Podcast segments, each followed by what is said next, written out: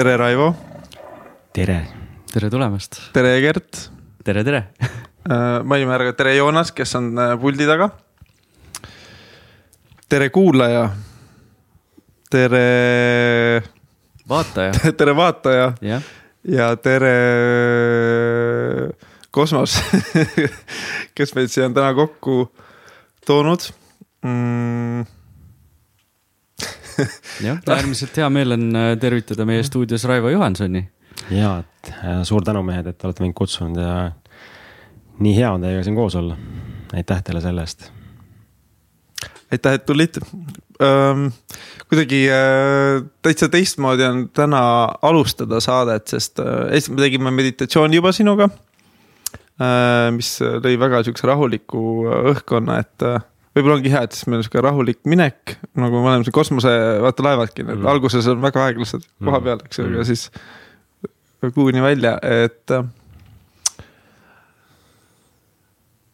jah, päris naljakas on olla praegu. sõnu ei ole aga sihuke mõnus, mõnus rahu on jah sees ja, ja ma arvan, et siit on hea, siit on hea edasi minna.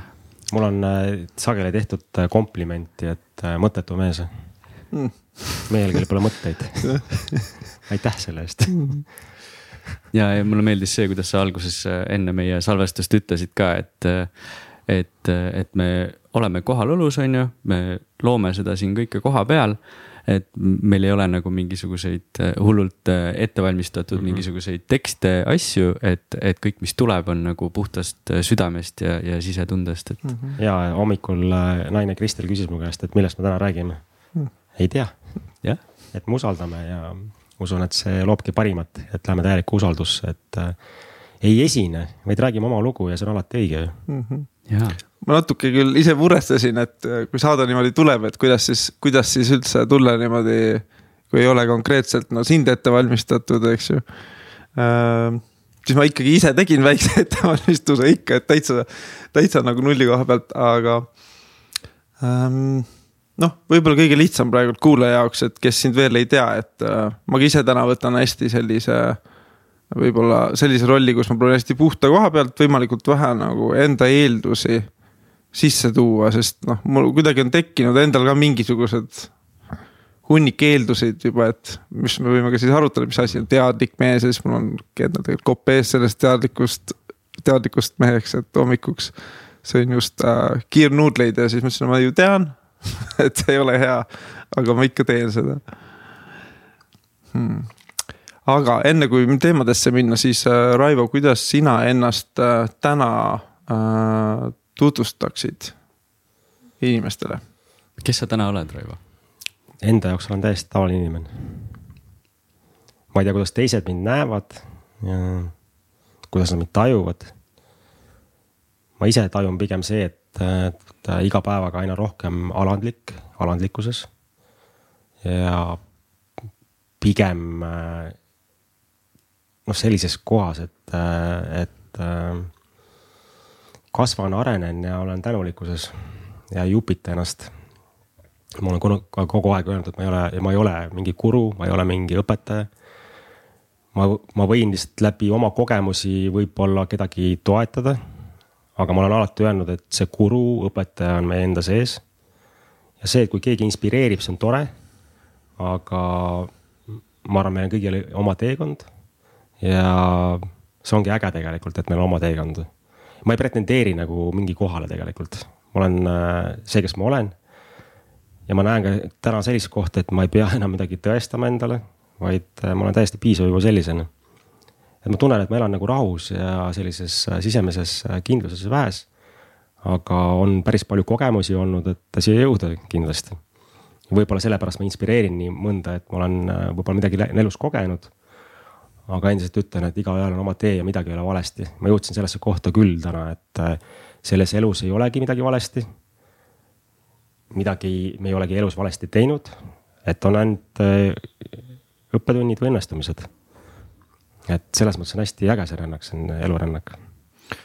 küsiks siis niimoodi, et Egert, sina tutvusid Raivoga kolm aastat tagasi, oli nii? Äh, vist natuke varem isegi, ma arvan, et neli aastat tagasi me tutvusime, siis kui te korraldasite suur seminar. suur seminar, jah. esimene suur seminar, äh, mis me koos Tiit Trofimoviga tegime. just. ja Egert äh, tuli sinna meile appi turundust looma ja siis me saime Egertiga kokku ja. filmisime videoid. ja videosid ja neid vaheklippe tegite. seal olidki ju, Alar Ojastu oli seal veel, Kaido Pajumaa oli, kõik, kellega me tutvusime ju tegelikult. Ville Jehe oli. Ville Jehe, siis äh, sina, siis Tiit, keegi oli vist veel, võib-olla ei olnud. aga jah, et ühesõnaga selline. ma ei mäleta. sihuke raske kahurvägi lükati nagu kohe ette et, et, et oleks nagu näha mingit teist perspektiivi elule, sest noh, tulles ka nagu sellisest hästi materiaalsest ja sellisest äh, mõtteviisist, siis see oli nagu väga-väga huvitav äh, kohtumine sinuga. ja aasta hiljem, ma arvan umbes, äh, ma liitusin sinu jooga mm tundidega, ma hakkasin seal sinu juures joogas käima. ja ma ise nimetan seda enda enesearengu tee nagu teadliku enesearengu tee alguseks mm., nii et ma olen väga-väga tänulik sulle selle eest, et mm. sa selle nii-öelda tõuke mulle andsid. ma usun ja aitäh, et sa tulid, et äh, me tegelikult, ma näengi, et äh, me, me toetamegi üksteist. Mõni läheb eespoole, mõni, mõni tuleb tagapool, aga see nihuke ka meesenergia, et üks annab teisele käe. ja ma ei ütlegi, et keegi paremas kohas on või keegi halvemas kohas on mingi moment hakkasid nagu märkama, et aga mis vahe sa käid üheteistkümnendas klassis või esimeses klassis, kumb see parem nagu on, tegelikult ei ole vahet hmm.. ainult ego ütleb, et ma olen nagu siis kõrgemal või paremas kohas.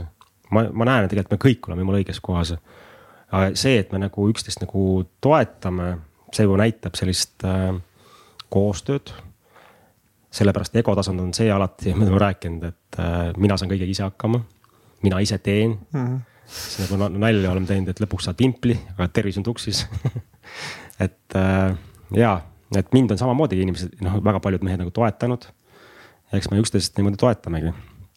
ja noh, põhiasi, mille pärast ei julge tulla, on ju mingid hirmud ees ikkagi, eks, et mis saab, mis juhtub, mis see tegelikult on. hirm tuleviku ees.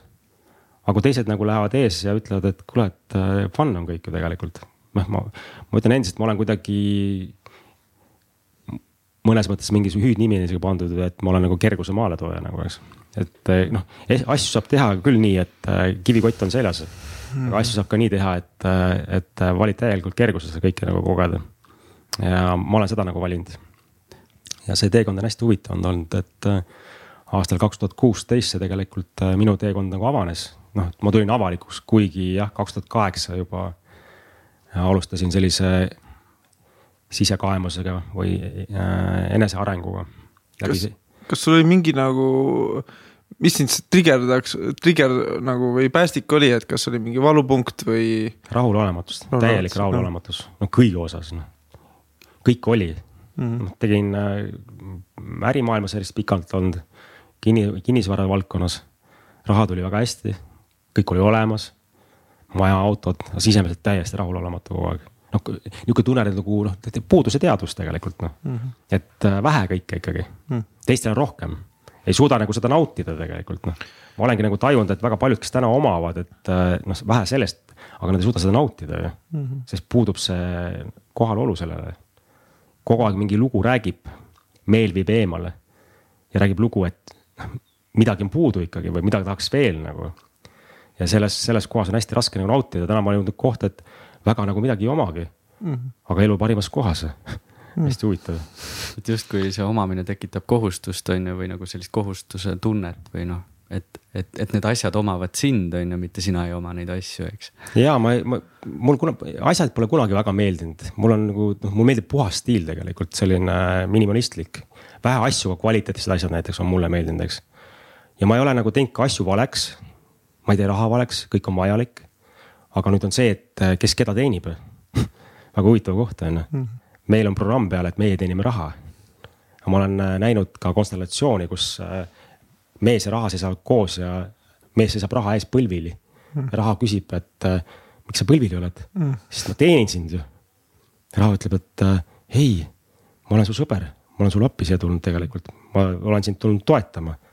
ja tõstis mehe üles enda kõrvale nagu mm.. ehk raha on tegelikult meid tulnud teenima et raha olemus on ka see tegelikult, et me oleme liigselt äh, kuidagi loonud sellise turvatsooni siia sisse, et äh, läbi raha luua endale noh, seda horisontaaltasandis seda turvatsooni, et oleks hea mugav nagu olla, eks. aga miks, sellepärast meil ei ole kontakti enda kõrgema teadusega, kus tegelikult kõik on alati olemas. ja meil on hirmud ja läbi hirmude me loome mingit moodi endale nihukest turvaruumi ja mida rohkem omame, seda turvaliselt tunneme, arvame või ego arvab. ja lõpuks saame aru, tegelikult see on lõks, sest äh, see tõmbab meid tühjaks. ja mis siis on, et mingi viiekümneselt, viiekümne viies, kuuekümneselt mehed surevad ära mm.. miks? sest äh, noh, kõik näidikud, mis äh, kehas põlevad, on, on nagu üle pannud mm. -hmm. ja ma olengi öelnud tegelikult, et keha on tegelikult igavikuline. see, et me elame täna viiekümne, kuuekümne aastaks, näitab, kui madalas ebateadlikkuses me oleme. ja teadlikkus tõuseb, siis me hakkame noorenema. ma olen nagu öelnud, noh see aasta saan viiskümmend üks ja ma olen täna olen, olen palju vitaalsem kui viisteist aastat tagasi. ma näitasin oma naisele viisteist aastat tagasi pilti, ei tundnud mind ära mm.. ütles, kes see on mm. -hmm. ehk ma ise tajun ka, et, et keha hakkab noorenema ja minu sõnum on see, et maailm muutub läbi meie iseenda ja eelkõige läbi keha. kui me kehateadus muutub, siis muutub ka pilt ümberringi, et keha on nagu universumi suurim kingitus. Ja kuidas ma oma kehaga käitun, olen, mida ma söön, joon, see on hästi oluline tegelikult, sest eh, muud moodi ei saa, me ei saa väliselt ära midagi muuta meie teadus muutub läbi keha ja nüüd on mitu erinevat teed. et on siis, äh, kas siis äh, läbi taimede minna, läbi šamanistliku tee, mis on üks variant ja teine on jogalik maailm. ja noh, väga paljud ka šamaanilikud noh, ütleme sellised tegelased on öelnud, et lõpuks ikka jõuab asi jogani. Et noh, igapäevaselt midagi kehale pakkuda ja ma ise tajun küll sellist, et võttes nüüd juba aastaid-aastaid ju peaaegu kümme aastat iga hommikul paar tundi enda iseendale see päästab, laeb mind niivõrd nagu ära, et mul on lihtne minna ükskõik kuhu siis, kasvõi kaosesse. ja sa tunned ikka, sa oled keskmes. ja teine variant on see, et ma ei tee midagi ja võib täiesti paradiisis elada ja oled täiesti kaoses. et see on hästi huvitav koht, et mida ma meestele olengi rääkinud, et palju ma ennast armastan, et endale iga päev aega võtta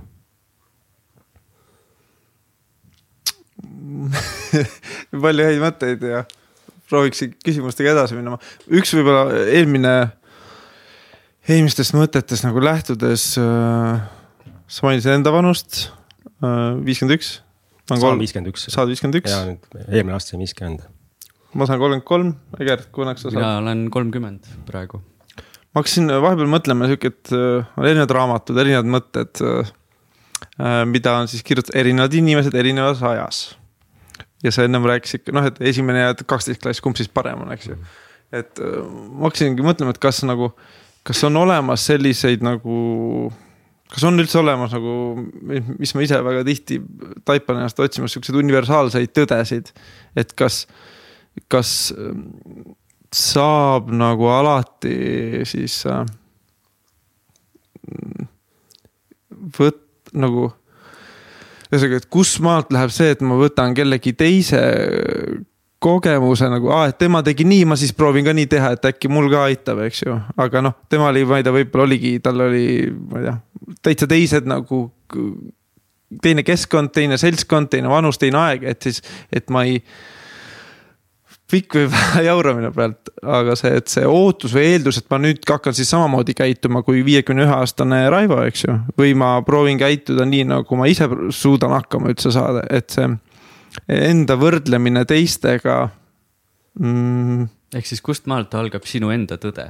jah, et enda tõde versus äh, näiteks Raivo õpetused või siis äh, David Teida mingi õpetused või mis iganes äh, meeste või suhte või inimeseks olemise raamat või religioon, eks ju, on kirjutatud, et, et, et.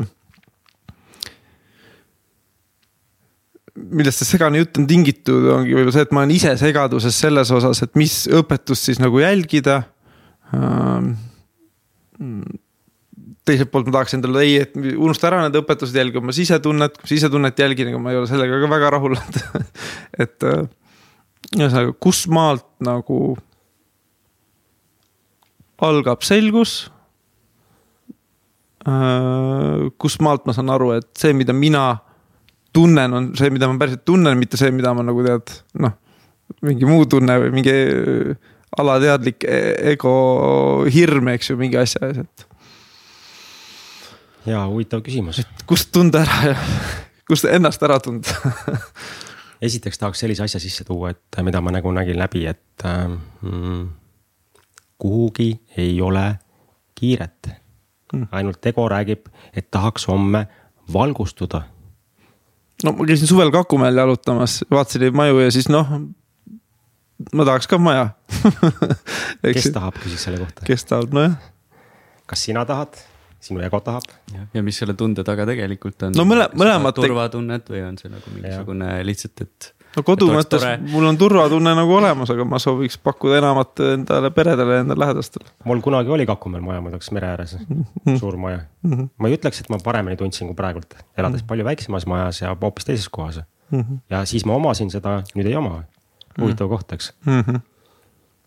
kui rääkida nüüd sellest sisemisest tõdest, siis äh, minu sõnum on endiselt see, et meie sisemine tõde on meie sees ainult. ja võib-olla see teekond, mis me käime selles elus, ongi see, et hakata aina rohkem kontakti saama oma tõega enda sees ja see väline lihtsalt on äh, mingisugune variantide ruum, peegeldus mingisugusest tõest. mina nimetan neid tööriistadeks. ma ei ole täna selles kohas, et ma võtan äh, midagi sisse enam nii lihtsalt. mingeid õpetusi, mingit äh, gurusid. ma mingi hetk nagu märkasin ära, et ma tahaks nagu kõigest lahti lasta ja miks? et hakata kuulama oma sisemist tõde veel kõvemini, isegi siis, kui ma ei mõista seda ja teen mõnes mõttes nagu vigu, noh vigu tegelikult ei ole. aga et ma ise õpin, isegi kui ma komistan. meie intuitsioon avaneb. ja kui meie intuitsioon avaneb, siis, siis me hakkame mingit häält seestpoolt kuulma. aga see võib alguses olla väga nagu õrn sosin ja noh, minu jaoks on see alati nagu olnud, et kuidas meie intuitsioon avaneb, on see, et äh, läbi äh, lõõgastumise, lõdvestumise. ehk Fred Jussi on nagu selles mõttes nagu siin äh, selle ära taibanud, kuidas intuitsioon avaneb. kui me meel on nagu ärev ja, ja otsib kogu aeg mingeid lahendusi, see meesenergia, et kogu aeg nagu struktureeritud lahendusi, kuhu minna, mida teha, kogu aeg paremaks, siis ei teki hetke, kus meil on, tekib vaikus sisse. ja ei saa ka nagu intuitsioon avaneda, ta avaneb küll, aga me ei kuule oma mm. kõrgemat teadvust. mis, kuspoolt me saame nagu kõik vastused kätte. me rääkisime ka täna, et tulime siia saatest midagi ette valmistanud. ma olin see, kes kunagi alati valmistas ette mm., siis ma tundsin hirmu, kui ma ette ei valmistanud. siis ma tundsin, et ma olen täiesti ebapiisav siis, kui ma ette ei valmista. ja kes olen mina, kui siis ette ei valmista, mida ma siis üldse nagu räägin, eks. ehk mul oli väga tugev hirm, et ma olen täiesti ebatäiuslik siis, kui ma ette ei valmista. ja koolis on ju õpetatud nii, et õpi pähe punasega kaks joont all, rohelisega üks joon all kogu tekstil igal pool nagu on ju. ja mul juhtus nii, et kui ma tegin kaks tuhat kuusteist esimese, siis äh, mees tõi sellise äh, töötoa või sellise äh, väikse seminari. isegi minu meelest oli alateaduse mustrite muutmine oli see, ma mäletan, ma seisin seal ees, ma olen sellest nii palju, noh nii palju rääkinud ja ma räägin, kuidas intuitsioon minu jaoks esimest korda avanes. seisin seal ees, olin kõik pähe õppinud, hommikul kordasin veel, eks et noh, et peaasi, et meeles oleks, magasin vihik oli padja all mm. -hmm. ja see oli nali. mulle meeldib huumorit ikka teha, sest elu ei ole nii tõsine mm. -hmm. vahepeal läheme nagu nii tõsisesse ära, et, et ja siis noh, seisan seal saali ees nagu onju, ma ei tea, mingi kakskümmend, kakskümmend viis inimest istuvad saalis onju. ma olin esimest korda ka nagu tasu küsinud selle eest onju, ehk mul oli täielik kohustus seal olla ja rääkida mingit väga tarka juttu.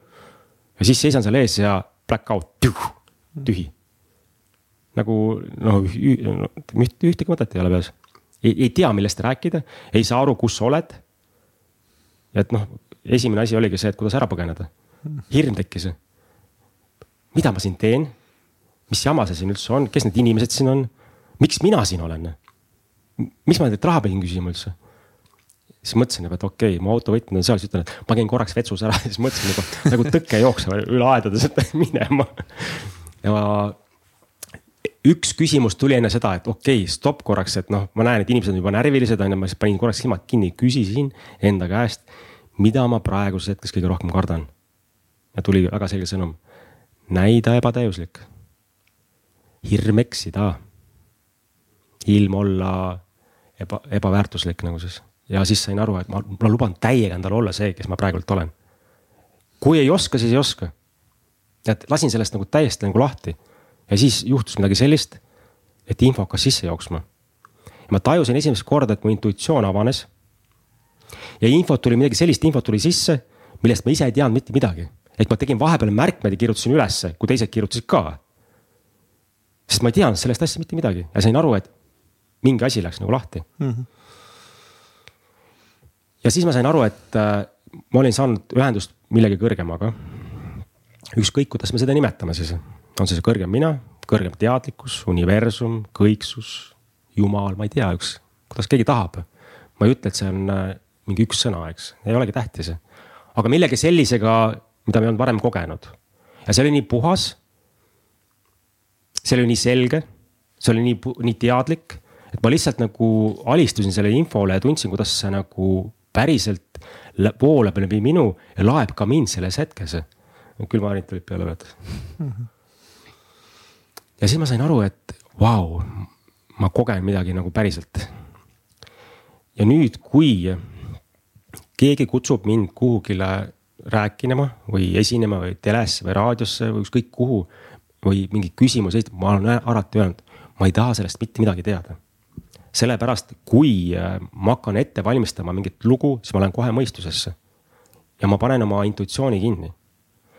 ja ainuke koht, mis äh, siin loeb, on see, et ma olen lõõgastunud, lõdvestunud ja täielikult usalduses. ainult nii see toimib. ja teine asi, mis ma annan kaasa võib-olla kõigile teile, et äh, mm, hirm esinemise ees, seesama seminar, suur seminar, mida me tegime, siis ega ma ei teadnud, mul tuli lihtsalt sõnum, et äh, tegime meesteringe, et meesteringis käis seal kakskümmend inimest on ju, et noh, et võiks suuremalt teha.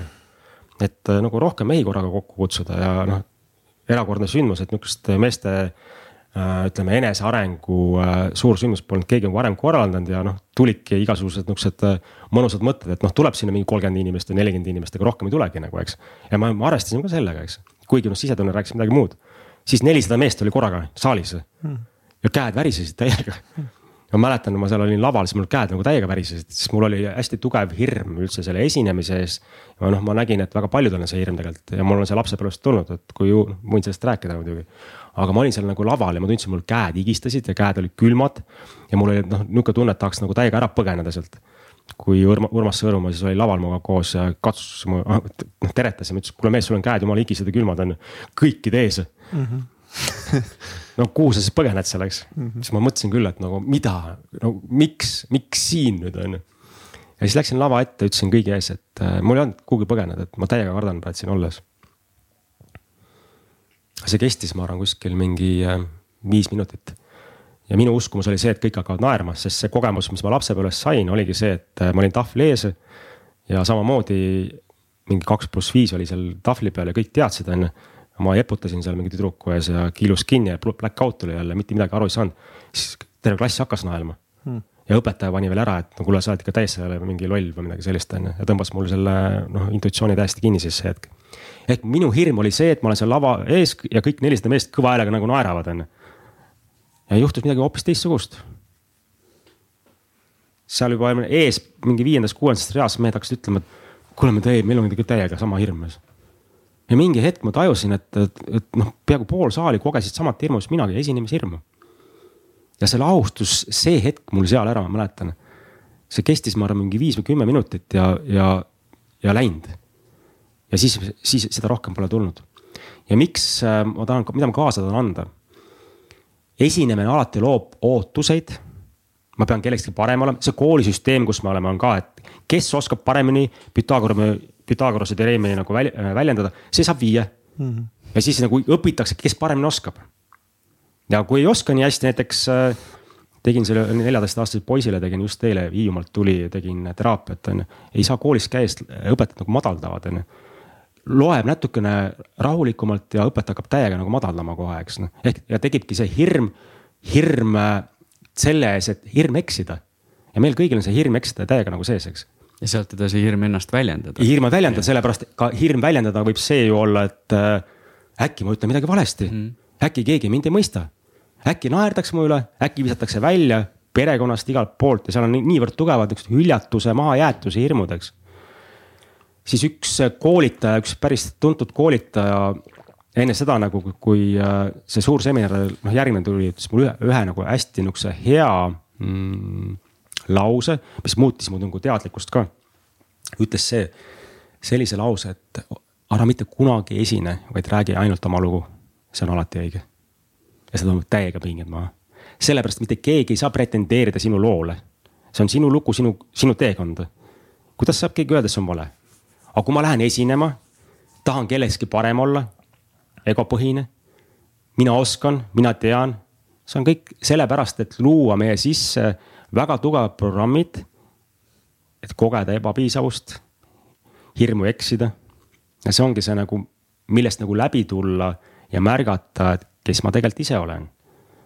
ja ma ütlengi, et see on nagu nii äge teekond tegelikult, kui iga päevaga noh, jõuad lähemale, eks ega minuga see, kui ma kaks tuhat kaheksa aastal alustasin äh, täielikus ärevuses ja sellises äh, meeltesegaduses ja rahulolematuses.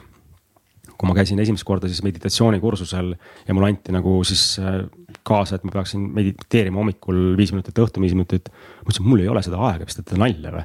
viis minutit mm -hmm. hommikul või? kuule, mis te teete nalja või? ja nagu oli, ma mäletan nii hästi, siis ma telefoni või kella pealt nagu vaatasin, millal nagu täis saab. ma võin praegu rahulikult mingi tund-poolteist mediteerida ja see aeg nagu mm. niimoodi läheb, eks. ehk mu ego juba ütles siis, et kuule, et sul on midagi muud ka teha. Aga see kuidagi kaasa tulnud see kosmiline kingitus, et kui ma olen otsustanud midagi teha, siis ma teen selle lõpuni ja mul on kuidagi see, ma olen seda noh, kuidagi nähtavaks ka toonud, et kuidagi on kaasas selline sõnum alati, et kui ma olen otsustanud midagi ära teha või kui ma olen otsustanud äh, tippu ronida, siis ma lähen lõpuni, punkt. ükskõik, kas vahepeal kukun, vahepeal puhkan, vahepeal olen väsinud. see on okei okay., tõusen püsti, teen põled puhtaks. Ja ma arvan, see mäkke minek on sama asi tegelikult, et äh, hästi oluline on vahepeal seda vaadet nautida, eks. ja lõpuks ma jõudsin kohta, et mäge ei olegi olemas. et ainuke hetk, mis meil on, on praegult, eks eks see sõnum tegelikult ongi see, et äh, elus võib täiega kõiges eksida. elus võib täiega kõiges eksida ja oma lugusid jagada, need on alati õiged. ja julgustada, ma nagu täiega, mulle meeldib nagu inspireerida. Eelkõige iseennast ja siis teisi, et äh, me juba oleme praegult täiesti perfektsed ja täiuslikud, me lihtsalt ei mäleta seda. ja meie ego otsib pidevalt meie seest mingeid kohtasid, mis räägib lugu, et sa oled täiesti ebapiisav ja täiuslik no aga kuidas siis sellega nagu äh, toime nagu tulla või? selle sisemise häälega, kes nagu röögib, et äh, mitte röögib või annab märku, noh, mõnes mõttes on ju hea, et kui me, et kas on siis ego või, mu sisemine hääl ütleb, et ja mine trenni, sa oled paks et äh, või siis aktsepteerida ennast sellisena, nagu ma olen, praegu ongi koroonaaeg ja ma ei, noh, ma ei saa teha väga, eks ju, et ähm, kuidas nagu, kuidas sellega nagu toime tulla? Ega ma, see ongi hästi huvitav koht, et e-, ega ei saagi keegi muud seda teha, kui sina ise. Mm. -hmm kui ma, kui ma loon illusiooni, et keegi tuleb, teeb mind korda, minu juures on isegi inimesed teraapias käinud, et kuule, et mul on nagu, nagu no nii raske aeg, et näed, sada eurot, et ole hea mind, tee mind korda nüüd on ju. Mhm. ma ütlen, et võimatu, päriselt ka, täiesti võimatu, ma võin sulle, ma võin pool teed sulle vastu tulla ja rääkida. aga kui sa ise nagu ei ole nõus mitte midagi nagu tegema, keskendunud sellisele mm, ohvri rollile, teiste süüdistamisele, hädaldamise, nagu hädaldamise energia, kõik on raske ja halb. Ma olin, ma elasin selles kohas päris pikalt. ma elasin ohvri rollides päris pikalt, kuni ma lõpuks sain aru, et ma rohkem ei pea elama nii lihtne oligi.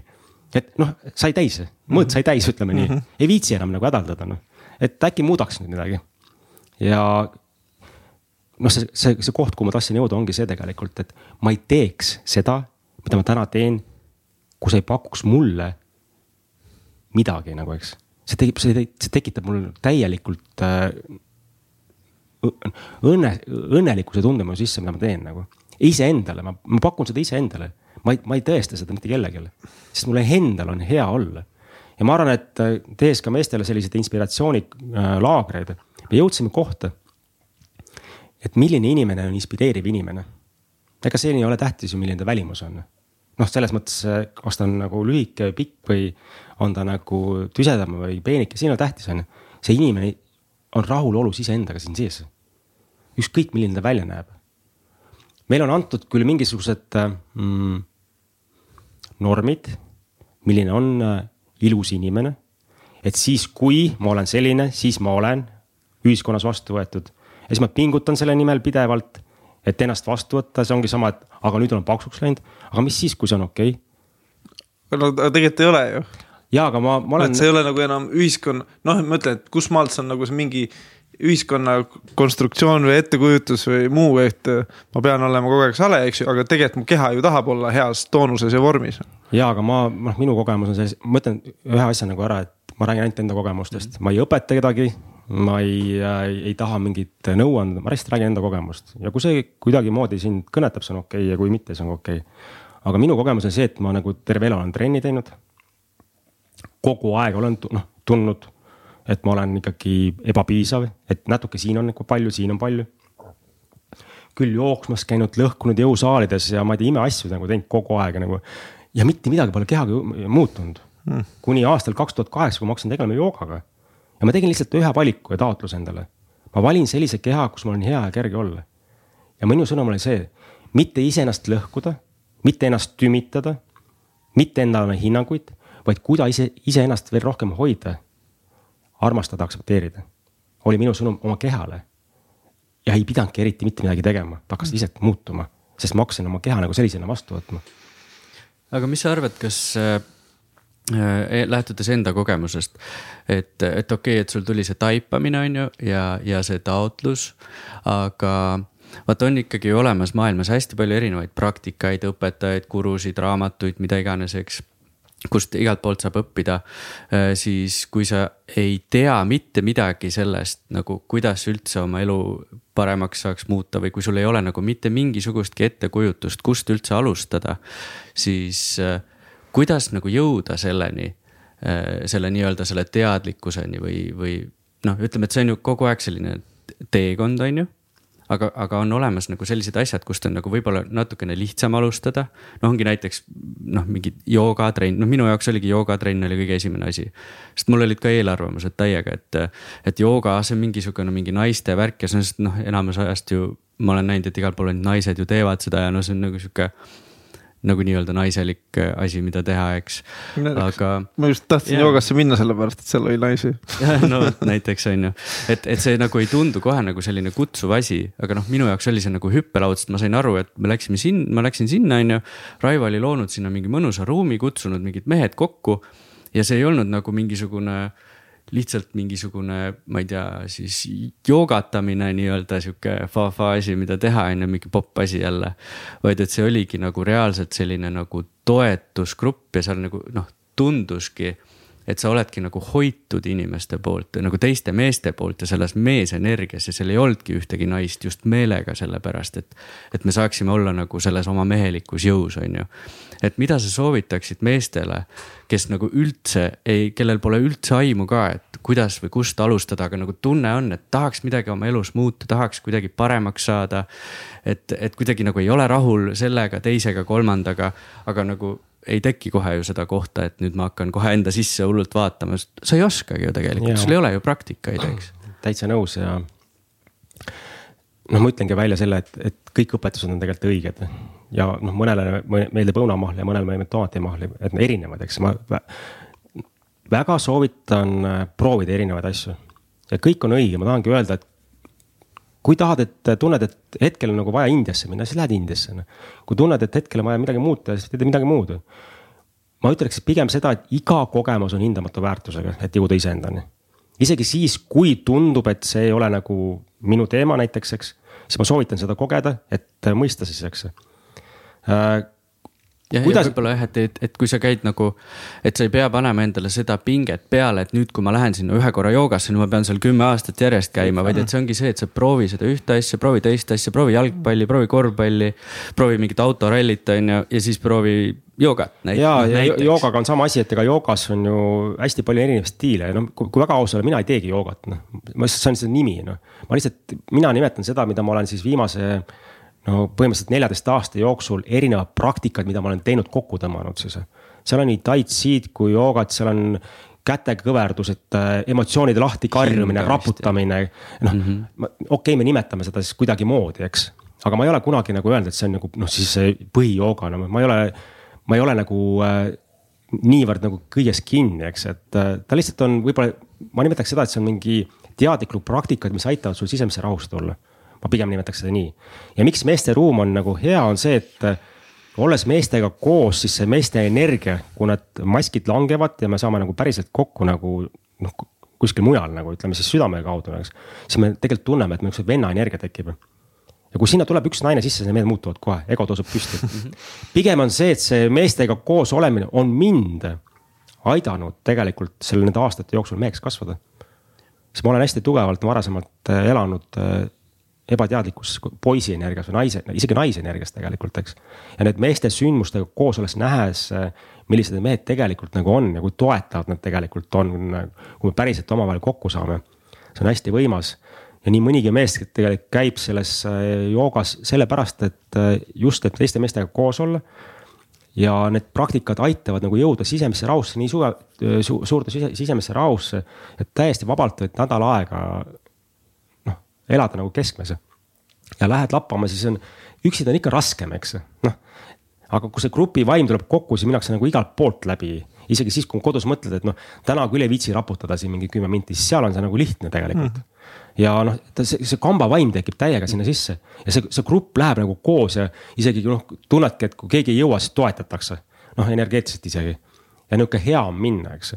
Et mina nagu selles mõttes olen kasvanud meheks ja mind hästi nagu toetavad just meestega koos olemised just, et noh, me märkame tegelikult see, see nagu muudab midagi, eks. kui nüüd on, on koht tõesti, et elus oled kohas, kus ei oska edasi minna, ei tea ei oska, keegi pole rääkinud, õpetanud.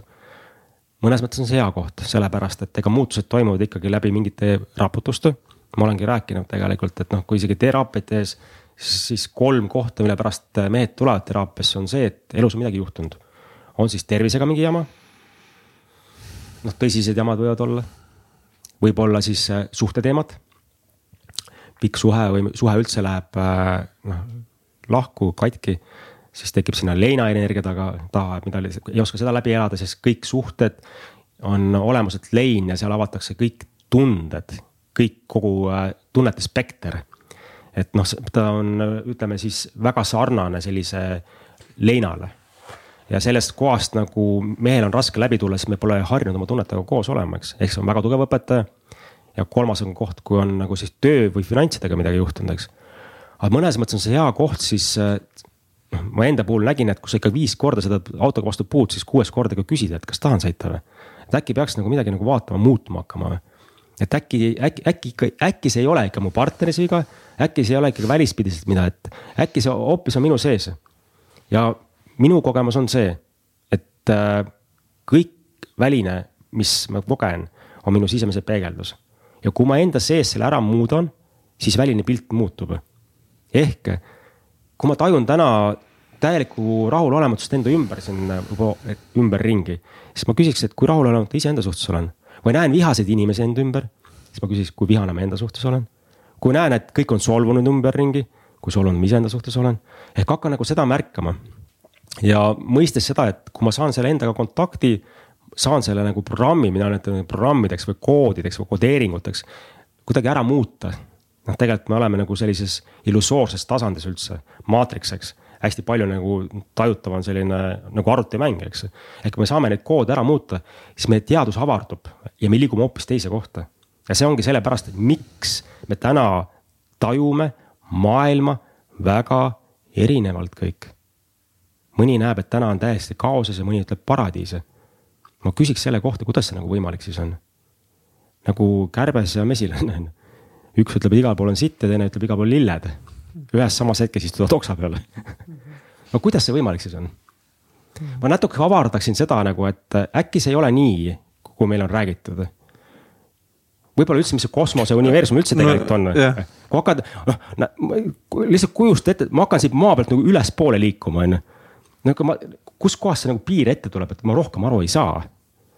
ja ma loon mingi illusiooni, et aga see ongi päris siin, aga see, mis seal ümberringi, see on nagu mingi, aga no mine ülespoole, hakka sõitma ülespoole, vaata kuhu sa jõuad siis. teine on ka see mm, suurendusklaasiga sissevaatamine või noh, et, et suurendus, isegi me ei saa neid asju täna, et saab ka minna väga väikse, sissepoole sama suurelt vaadata, kui saab ka väljapoole. täpselt, et aga noh, et me hakkame, teadlikkus on tegelikult see, et me hakkame seda nagu märkama lihtsalt. aga, aga okei okay,, nii nüüd keegi, kes kuulab nüüd, davai, ta on valmis, ta tahab, mis edasi? Äh, minu meelest on siia hästi hea nagu selline äh, algoritmi või fraas sisse, sisse tuua, et äh, kui koputad, siis avatakse uks. Mm.. ja niikaua seisad ukse taga ja koputa, niikaua ust ei avata. ehk kui oled valmis, siis, siis tuleb ka õpetaja või olukorrad. Mm..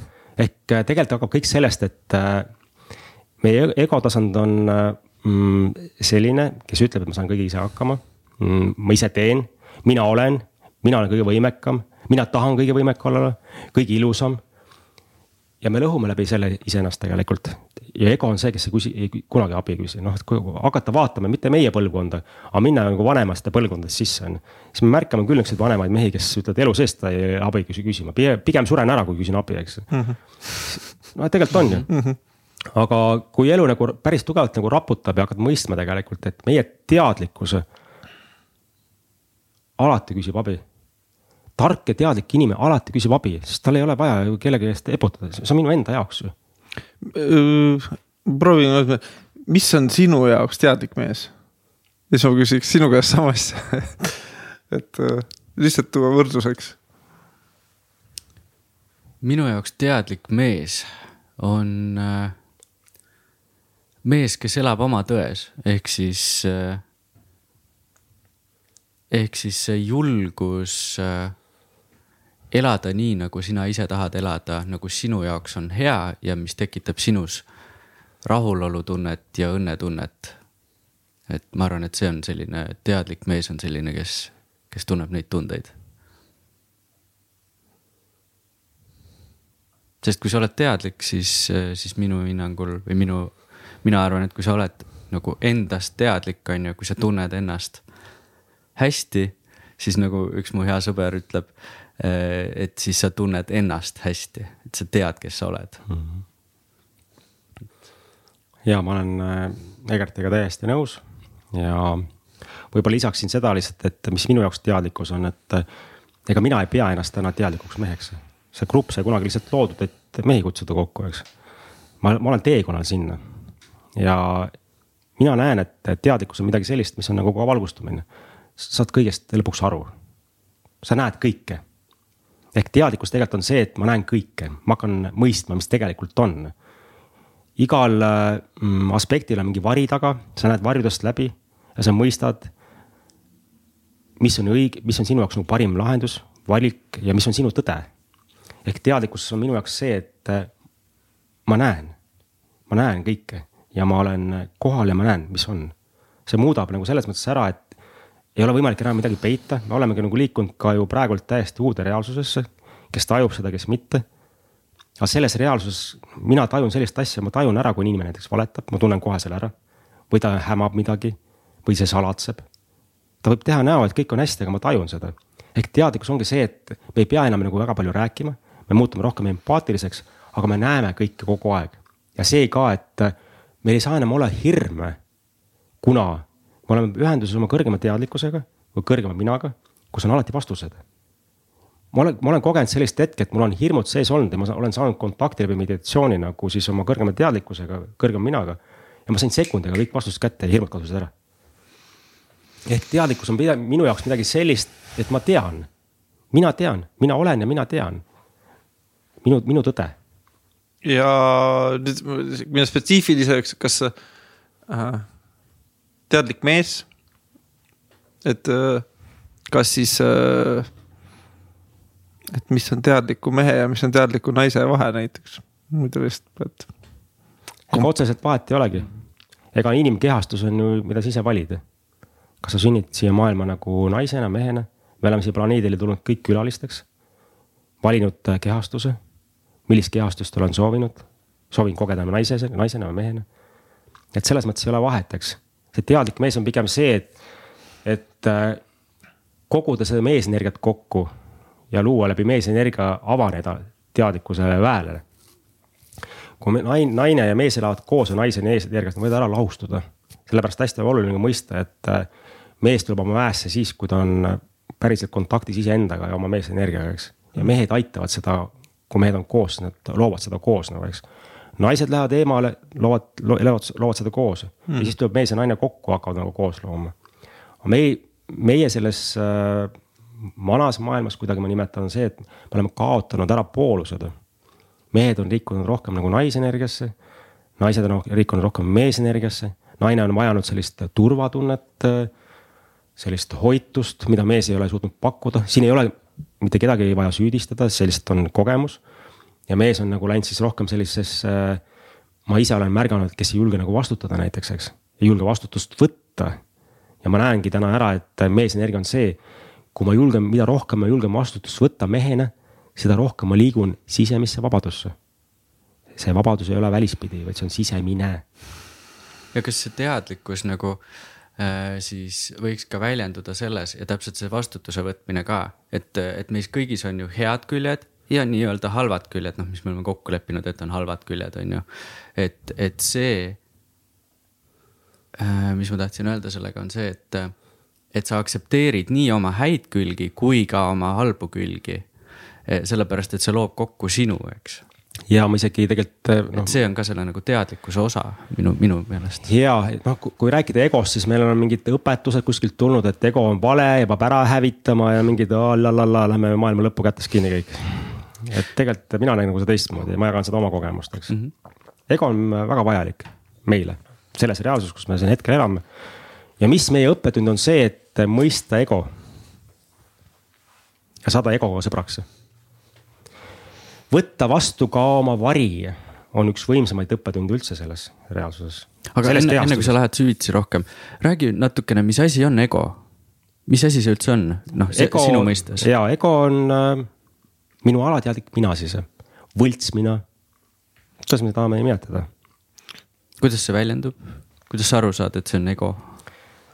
noh, siis peaks nagu natuke seletama seda, et äh, meie alateadvus mm, -hmm. kui keegi on nagu siis äh, uurinud, mis asi alateadvus on, siis alateadvus on koht meie teaduses, mis salvestab kõik meie mälu, pildi, kõik kogemused, kõik, äh, kui me sünnime siia maailma, hakkab looma niisugust ladu mm. -hmm. Ta on piiramatu maht, äh, noh, ütleme see nihuke ülisuure mahuga kõvaketas yeah.. kõik, mis sinna sisse võetakse, läheb sinna sisse, eks. ja me sünnime siia maailma egota. ja siis hakatakse meile nagu õpetusi andma, rääkima, mis siin maailmas nagu on. see on klaas. see on arvuti. see on must. mõtle, kui see arvuti või selle mikrofoni pea on praegu must, keegi räägib, et see on kollane. Sina arvaks, et see on kollane, eks. ehk kõik need õpetused, mis me sisse hakkame tõmbama enda alateadvusesse, eriti oma vanemate poolt e, vanemad on mõjutatud siis oma vanavanematest ja kõigest, eks on meie jaoks puhas tõsi. sest äh, nemad on meie jaoks ju autoriteedid. mõnes mõttes ka ruumihoidjad ja kasvatajad, eks. samas ka lasteaed ja kool, lähed lasteaeda, see on A, see on B, nii, siis lähme kooli. pannakse meid kuidagi mingisse vormi. rolli. rolli noh, tänapäeval sõna otseses mõttes vormi ka no, või noh, vanasti ka, et vorm, koolivorm ka. ka, ka see on, eks mm, -hmm. aga pannakse meid mingi sablooni, ütleme siis, eks, kuhu me sisse ei mahu ja räägitakse, sa pead ju selline olema ja me võtame kõik alateadvusest sisse. meie sisse tekib sellest kogemusest meie võltsmina, mis ei ole meie nagu piiritud teadusega mitte mingit pistmist absoluutselt. ja me esindame siis, kuidas me käime riides, millist kella me kanname, kuidas me sööme millises kodus me elame, millises piirkonnas me elame, see kõik loob meis kellegi, mida siis võikski nimetada siis meie võltsminaks, ebateadlikuks minaks, egoks, kuidas soovid. ja me mm,, meie identiteet läheb sellesse rolli üle. kas võiks sellele pehmemalt suhtuda, ma mõtlesin korra, et äkki see on meie sihuke nagu lapsik mina või? mitte lapsik. ma jõuan no. sellesse kohta päris tagasi, mis mm -hmm. üldse lapsik tähendab, sellepärast ma, mina näen seda, et meie lapsik olemus või meie, on meie jumalik olemas hoopis, kes tegelikult on puhas looja. ja see, või see on hästi huvitav koht, ma võin pärast rääkida. aga me loome siis mingi identiteedi. noh, amet samamoodi, eks ju. töö. me loome mingi võlts mina endast, mängime mingit rolli. mina olen täna hea ärimees. ma olen võimas sportlane. ma olen hea isa ja, ja pingutan selle nimel, eks. me oleme täna saatejuhid. ja, aga me mängime rolle. meil on mingid maskid ees, eks ja mängime rolle. ja siis ma lähen sellesse rolli nagu nii tugevalt sisse, et kaotan kontakti iseenda tegeliku olemusega mm.. ja ma ei saa aru enam, kes mina olen mm. -hmm. ja ma arvan, et ma olen keegi, kellel on siis äh, mida kallim kell või parem auto või suurem maja, et siis ma olen keegi. ja siis ma arvan, et ma olen piisav. ja mind on siis vastu võetud. aga ma ütlen endiselt, et kõrgemas teadlikkuses või ütleme siis äh, hingetasandile. me oleme alati olnud piisavad, unikaalsed ja me ei pea enda puhul mitte midagi nagu muutma. alati oleme täiesti perfektsed, piisavad ja täiuslikud. ja meie õppetund ja teekond siin elus ongi see, kuidas iseennast sellisena vastu võtta, nagu ma praegult olen, hinnanguid andmata. kui nüüd jõuda sellesse, et okei okay,, nagu sa Egert ütles, et see tume pool, noh, ta võib nimetada tumedaks poolt. ja hele pool on siis, on siis hingetasand, eks, ja tume pool siis on, ütleme siis egotasand, eks. ma elasin mingi hetk selles kohas, kui ma ei saanud enam aru, et kumb mina nagu siis olen ja see juhtus siis, kui kaks tuhat kuusteist aastal ma. no hakkasin tegelema sellega, millega ma täna tegelen, ega mina ei teadnud, et ma siia üldse jõuangi, eks ma arvasin, et ma olen kõva nagu ärimees on ju, et ma. noh, minu jaoks on ikkagi tähtis, et äh, elu lõpuks oleks nagu konto peal ikka väga suur numbreid arve ja, ja siis äh, hästi palju maju ja noh, siis ma olen nagu õnnelik on ju. Aga mida rohkem ma nagu omasin, seda õnnetumaks ma muutusin. see on minu, minu kogemus, eks. ja mingi hetk ma sain aru, et see ei toimi enam ja mingid raputajad tulid ellu ja need asjad kõik, mis mu elus olid, hakkasid kokku kukkuma just äriliselt. ja mida rohkem ma pingutasin, seda rohkem valusamaks see muutus. ja piltlikult öeldes oli nagu, läksin selle mingi ukse taha, tahtsin ust lahti lükata, et nagu sisse sealt minna, see ei läinud lahti ja mul oli hirm, ma ei koputanud ka nagu, sest ma ei teadnud, mis hakkab saama. kui ma nüüd valin siia, kui ma olin tulnud, eks. ja üks, üks moment, ma, ma mäletan isegi aasta aega kestis minu jaoks see, et ma ei saanud aru, mida ma teha tahan kas minna seda äriga nagu edasi või tegelikult hakata nagu hoopis midagi muud tegema nagu, et ma ei saanud nagu päriselt ka nagu aru. ja vahepeal nagu tunned, hakkad hulluks minema peast. Ma isegi mäletan, ma võtsin endale kontori, käisin kontoris sellepärast, et ma olin harjunud juba kakskümmend aastat käima, onju. aga lihtsalt käisin kontoris arvutist mingit äh, spirituaalset kirjandust lugemas, onju. no ei julgenud lahti lasta, päriselt ei julgenud. ma ja ma tegin sellise nihukese meditatsiooni, üks tuttav hea sõber nagu soovitas mulle. et kujusta siis ette, et sa istud lõkke ääres sina kui kõrgem vaim või ükskõik kes siis, universum või kõiksus või kõrgem mina näiteks on. ja kutsud oma siis äh, ego tasandi ja hingetasandi lõkke äärde. ja ütled, räägid nendega väga ilusti, me istume siin lõkke ääres nüüd. ja me oleme väga raskes kohas, me ei saa nüüd aru, kuidas elus edasi minna. sest sina ego tahad nagu elada ühte elu ja sina hingetasand tahad nagu elada teist elu. ja me mõistame ühte asja, me tegelikult oleme üks. sina ego ei ole üldse vale, sa oled üks osa minust ja sina hinge tasandil samamoodi üks osa minust. ego on väga hea, sellepärast ego aitab meil kasvada, ta on nagu naaskel siin tagumikus. Ja kogu aeg survestab, et kuule, ligu nüüd on ju, punita nüüd edasi. ja mida rohkem meie teadlikkus tõuseb, seda rohkem tõuseb ka ego teadlikkus, hästi huvitav koht see, eks. ja ma mõistsin seda ühte kohta ära. ego ei ole halb, see on üks osa minust, see on see, mida mulle kaasa antud läbi erinevate õpetuste. ja minu osa on nüüd see, et teadlikult seda näha läbi, kes ma tegelikult olen. ja ma sain sellisest kohast aru, et ainuke, mida ma teha saan on oma ego vastu võtta ja hakata teda armastama. ja ma küsisin sellist asja, me ei saa täna edasi minna, kui me leiame nüüd sellise lahenduse, et äh, mis loob meile mõlemat, sest me lõhume üksteist nagu ära noh. ego istus seal nahtagi seljas naeris. kuulge lõpetage jama ära noh, raha, naised, pidu, paneme pulli ikka, mis te jamate, no mis, teeme jama. noh, tead nihuke ülbe vend oli seal, ma mäletan. istus vaata sellises asendis umbes siis küsin oma hingetasandilt, nagu valge, puhas, nihuke selge, teadlik on. Mis on sinu nagu kogemused siin elus ja miks sa tulid siia? valgustuda, saada endast teadlikumaks, kasvada, õppida, on ju. ma ütlesin nagu ära mõlemale, et aga mõistate ühte asja, et kui ma olen ma olen seda mõlemat kogemust läbi käinud, ma olen nii materiaalsest tasandist läbi käinud, kogenud, eks. ja ma olen ka käinud nagu selles koopas nagu mediteerinud, eks. ja ma sain aru, et kõige parem variant on see, et kui ma tulen siia keskmesse.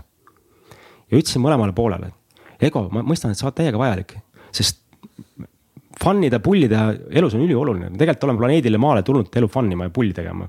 ja nautima elu tegelikult, see, et me teeme täna tööd, on puhas programmeering, kodeering, kõik on läbi nähtud. ja teine tasand on see, et hingetasand, et kui ma, kui ma lähen liiga koopasse ära, siis ma, miks ma siin üldse siia tulin siia maale siis on mm.. tahaks nagu süüa, nautida, sõpradega koos olla, noh lõbutseda, tantsida, laulda, nagu ütleme, eks mm. -hmm. et kui me läheme liiga nagu äärmusesse sellega ära, see on teine tasand, eks. Ja ma sain aru tegelikult, et me peame leidma lahenduse. ja ego vaatas mulle otsa ja hingetasand vaatas otsa. täiega mõistame sind. kui me lähen liiga ühte ja teise äärmusesse, siis me lõhume üks, lõhun, noh, noh lõhun ennast ära nagu on ju. ja me jõudsime kompromissile jälle külmavärin tuleb peale. ja ma nägin sellise asja, nad läksid kokku, nagu sa rääkisidki. ja siis toimus nagu valgustamine. ja see oli hästi võimas kogemus, siis mul ja siis ma läksin selle ukse taha uuesti, mis oli nagu mingit moodi kinni on ju. ja ma sain aru, et ma äh, lükkasin teda nagu valele poole, ma oleks pidanud enda poole tõmbama on ju. ja siis läks uks lahti ja ma astusin sealt sisse nagu ja siis ma olen nüüd siin. mida sa tundsid sel hetkel, mis, mis su kehas oli oh.? seda on raske kirjeldada, kui noh kui sa oled nagu orgasmi saanud elus, niisuguseid võimsaid orgasme ja ka ärilisi võite või midagi niisugust kogenud mingist niisugust siis see oli nagu tuhat korda veel võimsam. sihuke eufooria. see on niisugune nagu tunne, et see, see mingi niisugune energia tuleb taha nagu sulle sinna, et nagu no, tekib niisugune tunne, et nagu ei oska sellele isegi peale hakata. see on nagu nii võimas nagu. sa astud. see on ülihea tunne. ja see on ülipositiivne, üli nihuke, et noh, lõpuks said aru, et millest sa läbi olid tulnud ja kõik need äh, illusioonid ja mingid programmid, mis lõid nagu lugu, et, et kui sa seda teed, siis umbes ema sinuga ei räägi enam ja siis su sõbrad ei taha sind enam ja mingid nihukesed äh, investorid sinuga ei suhtle. kõik kukkusid kokku, said aru, et see ei ole üldse tähtis enam. et see on nagu nii võimas, et, et nagu näed selle tee ära tegelikult ja astud sealt sisse. see ei tähenda seda, et sa lähedki nagu, ma ei tea, ma ütlen endiselt, et minu kõige suurem väljakutse siin elus on võimalikult hästi inimesena hakkama saada. ja nüüd on vahe, kas ma teen seda paanikas, hirmudes, närvilisuses, puuduse teaduses või teen seda hoopis tänulikkuses, külluse teadvuses, kohalolus, elades oma väes. Need on väga erinevad kohas, kuidas ma loon oma elu. sest ainuke hetk, kui ma loon, on ju nüüd, nüüd nüüd kuuskümmend kuus tuhat mõtet tuleb sealtsamast alateadvusest iga päev meile ülesse. sest me küsime infot ja seal ei ole filtreid vahel. kujutasid ette, kui see kuuskümmend kuus tuhat mõtet tuleb päevas ülesse, palju nendest on positiivsed mõtted ja palju negatiivsed mõtted ja iga kord ma loon oma elu. ja tuleb ülesse, kuule ära usu seda ikkagi on ju ainuke asi, mis meie, kuule, ainuke asi, mis meie loomingu praeguses hetkes ära hävitab, on kõhklus ja kahklus ja kohe on looming läinud. sa võiksid praegu tellida ükskõik endale mida, kui sa paneksid oma väe taha ja ütleksid, nüüd see on nii. ja lugu tuleb, kuule, see asi ikka nii ei käi uh. -huh. ära usu, saab käest udu, on ju, ja uh, läinud. usu mind, et mida rohkem me hakkame seda nagu niimoodi looma, seda nii, nii loobki. ja ma näen enda elus küll seda, et kui päriselt nagu lood ära, siis ta tuleb kohe sulle aga võttes siit korra samm tagasi, siis äh, näiteks enda kogemusest ma võin öelda, mis mind aitas hästi palju äh, selle juures, et aru saada, mis mõtteid ma mõtlen oli tugev taotlus, ma tegingi enda jaoks tugeva taotluse, jälgin oma mõtteid ja korrutasin seda omale päevast päeva, ma siiamaani teen seda. jälgin oma mõtteid, siis on niimoodi, mõte tuleb. sa saad nagu aru, et ahaa, oota, aga aga miks see, miks ma üldse niimoodi mõtlen või et kuidas, mis hinnangu ma nüüd sellele mõttele annan, kas ta on nüüd hea mõte või halb mõte, on ju. ja, ja niimoodi sealt nagu hakkas see ratas veerema niimoodi, et nüüd ma lõpuks nagu, kui mul tulebki mingisugune olukord, on ju. mingi, ütleme mingi raske olukord, mis nagu lööb mind tasakaalust välja, siis ma suudan nagu sealt sinna tasakaalu ennast nagu palju-palju kiiremini tagasi tuua versus vanasti, kus mul võis minna nagu mitu kuud mingisuguse asjaga, tuleb jälle üles ja tuleb jälle üles ja ta kogu, see nagu kontrollib see mõte sind, vaata hästi hea taotlus on see, mida ma aastaid olen teinud, et äh, kui mu mõtted hakkavad kõrvale kalduma sellest, mis on hea ja loov. kutsun ma ennast korrale ja kontsentreerun eranditult ilusale ja heale. miks on vaja taotlused teha, sest läbi valikute taotluste me loome oma elu praeguses hetkes. punkt. ja see, mida sa Egert teed, see on üliõige kõik need programmid, mis on meil alateadlikult sisse söödetud, ma, kui me räägime, noh, läheme natuke sügavamale alateadvust sisse, siis seal on väga palju programme, millest me ise ei ole teadlikud.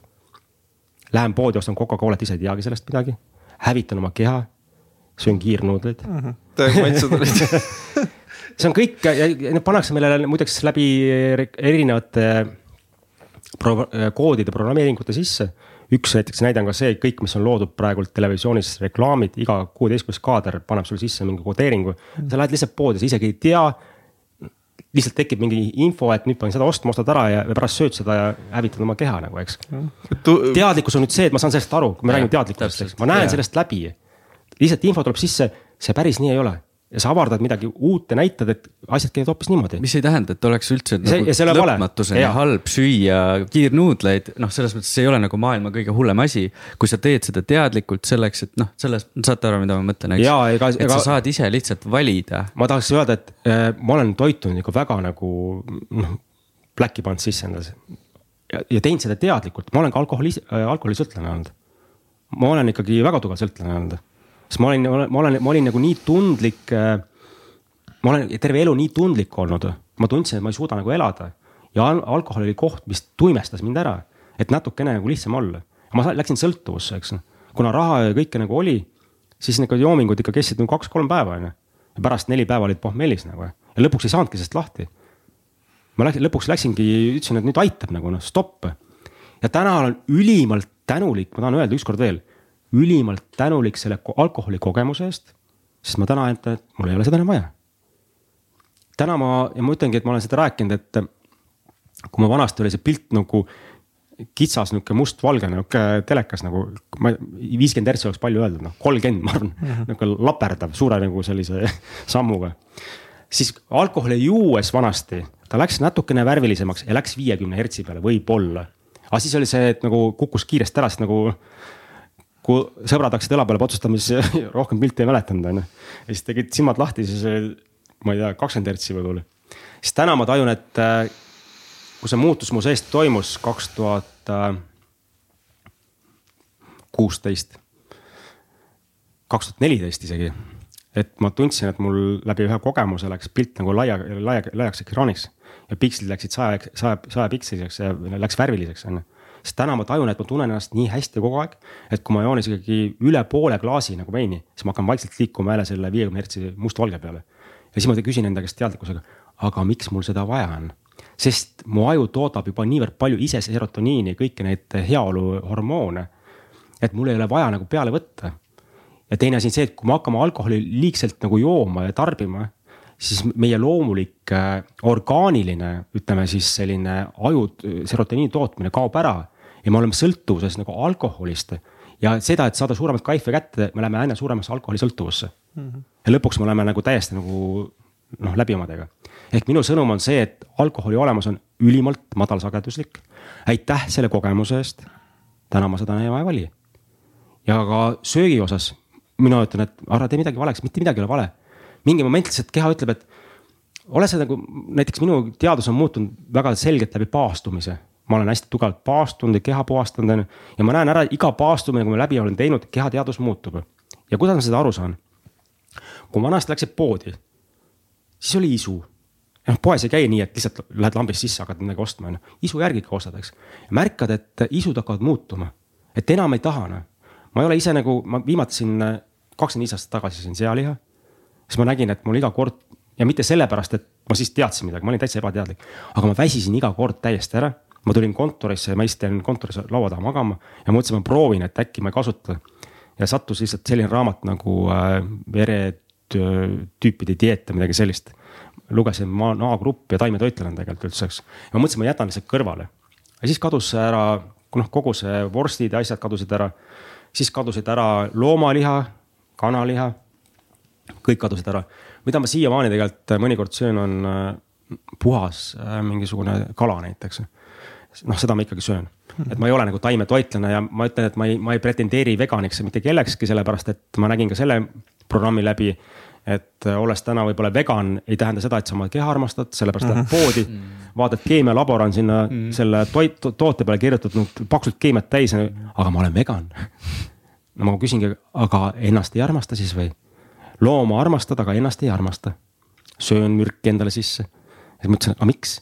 Ja ma täna ütlen ka, et äh, ma pigem ütlen, et ole, kes sa tahad, aga söö võimalikult puhast toitu. sest keha vajab võimalikult puhast toitu ja seda maailmas on suhteliselt väheks jäänud. ja ma noh, kui leida seda puhast toitu, naabrimees kasvatab võib-olla mingit veise, kuhu ei ole ühtegi antibiootikumi sisse topitud ja hea meelega võib süüa, eks või mingid piimatooted, ükskõik mis, eks. aga ma enda puhul nägin sellist asja ära, et keha hakkas mingi moment ütlema, et ei ole isu enam. Noh. ja ma täna olen, ütleme kuskil nihuke, sõltub nagu ütleme aastaajast, aga kuskil seitsekümmend, kaheksakümmend protsenti olen toortoitlane. sest keha, ma näengi ära, et ma olen toonud näite, et kui sa lähed kuskil džunglisse, tood puu otsast banaani alla, niisuguse väikse, kümnesendise.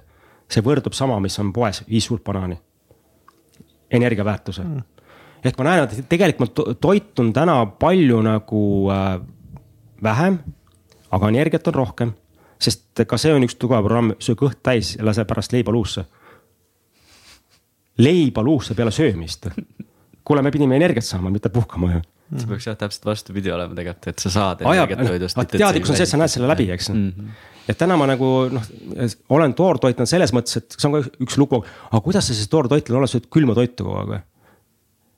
ei, toortoit ei ole külm toit. esiteks ta on päikesekäes valminud küpsenud mm. -hmm ja toortoitu on võimalik kuni nelikümmend neli kraadi üles soojendada. ehk sa võid täitsa vabalt toidu üles soojendada, süüa. Aga mis siis juhtub, sa saad kogu oma väe toidust kätte kohe. ja sa ei pea nagu sööma toitu, et oma emotsioone ja tunded alla suruda, eks. sa saad nagu väge ja siis sa ei pea peale seda toitumist leiba luusse laskma. ehk see on, vot see ongi see teadlikkus, me hakkame lihtsalt nagu läbi, läbi nägema asjadest ja läbi katsetama ja proovima hmm kuidagi tuli see üks koht ka veel ennem, sa rääkisid, et kuidas see mees võiks tulla siis mingeid praktikaid tegema, on ju. et millest alustada, jah. mina soovitan lihtsalt proovida ja mitte ühe korra. Üks mees tuli mulle mm, teraapiasse ja tegime teraapia ära, ma ütlesin, et, et noh, õhtul on jooga, tule ka. mis sa teed nalja või, mingid peded käivad koos seal või?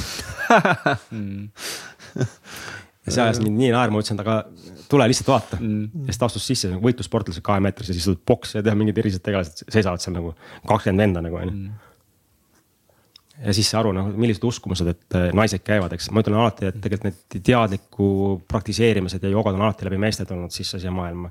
see on Euroopas ja siin läänemaailmas läks nagu naiste peale, sest noh, mehed hakkasid tööd tegema ja noh, ja meestel pole aega enam lihtsalt tegema, eks. ja ma, ma soovitan sellist asja, et kui sa midagi nagu valid, palun tee seda vähemalt kaks või kolm korda. sest ego muidu räägib nagu ära, jälle ära jama, jama, sest noh, see, see kogemus oligi, et see mees ütles, ta käis kaks-kolm korda ära ja ütles, et jah, siis, siis nagu jõudis kohale alles. ehk alati, kui sa midagi proovid ja proovi selliseid asju, mida sa ei olegi võib-olla varem teinud, anna endale lihtsalt võimaluse. sest elades sellises äh, pidevas nihukeses äh, turvatsoonis, mina ei nimeta seda eluks. ma sain alles sellest hetkest aru, kui ma hüppan ja vaatan, mis saab, siis hakkab alles elus pihta. Kui see, et ma loon mingit turvatsooni ja elan kuskil ja arvan, et ma elan sportauto Ferrari majas, aga üle esimese käigu ei julge sõita nagu on ju. milleks mm, -hmm. milleks ehk eh, ma soovitan teha täiega meestel selliseid asju, mida kunagi varem pole teinud. minna sellest. kust see julgus leida, kust ja, võtta see julgus? ma, ma hakkasin mm. näiteks käima tantsimas bachata nagu on ju mingi hetk on ju, ma polnud kunagi mingi peotantsus midagi teinud isegi, aga noh, see on see ladina tants, eks täielik eelarvamus, mõtlesin, mida ma sinna lähen, no miks, no miks noh. aga ma olen see, et kui ma mingi otsuse teen, siis ma nagu noh, viis, neli, kolm, kaks, okei okay. ja läksin ja üliäge kogemus. üliägedad inimesed, saad hoopis teistsuguste inimestega kokku ja nihuke nii äge nagu see, et nagu tuled sellest turvalisest tsoonist välja nagu. ja annad endale võimaluse proovida nagu Egert samamoodi noh, tuli lihtsalt ja proovis on ju. ja sai, sai kogemuse, ma, ma täiega tunnustan. ja iseennast tunnustan ka, kui ma julgen minna küsiks äh, endale siis abi või nõu, et äh, mul on nagu võib-olla selle proovimisega vastupidine, et äh, ma võin kõike proovida ja siis mul on tekkinud vastupidine tunne, et justkui kõik olen nagu proovinud. et nendes erinevates praktikates käinud nagu noh, mitte kõriauguni nagu, et, et, et siis ma panin mingit tähele, et issand jälle samad harjutused, et ähm, ka mingi meesteringides ja muudes käinud või. või ka toitumise poole pealt igast erinevaid toitumisi ka proovinud ja lõpuks ma mõtlen veel toitumise osas mind alguses mõtlesin, okei okay,, ma nüüd taimetoitlen, siis on kõik hästi nagu ja siis tegin selle vereproovi analüüsi, siis võeti pooled taimed ka maha ja öeldi, et söö veist peaksin ka sööma, eks ju, aga noh, mitte toitmisest ma ei tahtnud rääkida, aga see proovimise pool, et ma olen nagu. see kõlab võib-olla nagu ohver, aga ma, mulle, kuidas et kuidas minna nagu niimoodi, et okei okay, äh, et usaldada seda, et, et kui ma olen nagu juba kaks-kolm korda teinud sama, ma ei tea, Osho vabastavat hingamist, eks ju, et, et, et siis leida seda rõõmu seal viiendas või kümnendas korras, eks ju, et um,. et ma olen nagu praegult olukorras, kus ma tegelikult, mul on nagu tülpinud uh,. võib-olla usalduse kaotanud selle turu vastu sest ma just äh, ette valmistades meenus, et äh, eelmine suvi oli Olerexis ka juba reklaami peal oli sõna teadlik, ma ei mäleta, kas oli teadlik kütus või teadlik toit, eks ju, noh, et, et see juba. see nagu, et ka teadlikkus on juba tehtud, eks ju, selleks business'iks. ehk siis kust leida seda uut äh, indu tegemaks nagu sedasama asja või? ja võib-olla ma mõtlen ka seda, et praegult ma näen, et mu elu on nii palju rutiinseks muutunud. sul on palju rohkem ka vanust, et, et mm,. et kuidas leida seda äh, hind, nagu tead, mis see sõna oleks, himu uuesti asju nagu proovida. inspiratsiooni. inspiratsiooni jah, et nagu, et davai, et okei okay.. et ma tean, Raivo, et sa teed nüüd seda meestelaagrit kakskümmend viis kuni kakskümmend seitse märts.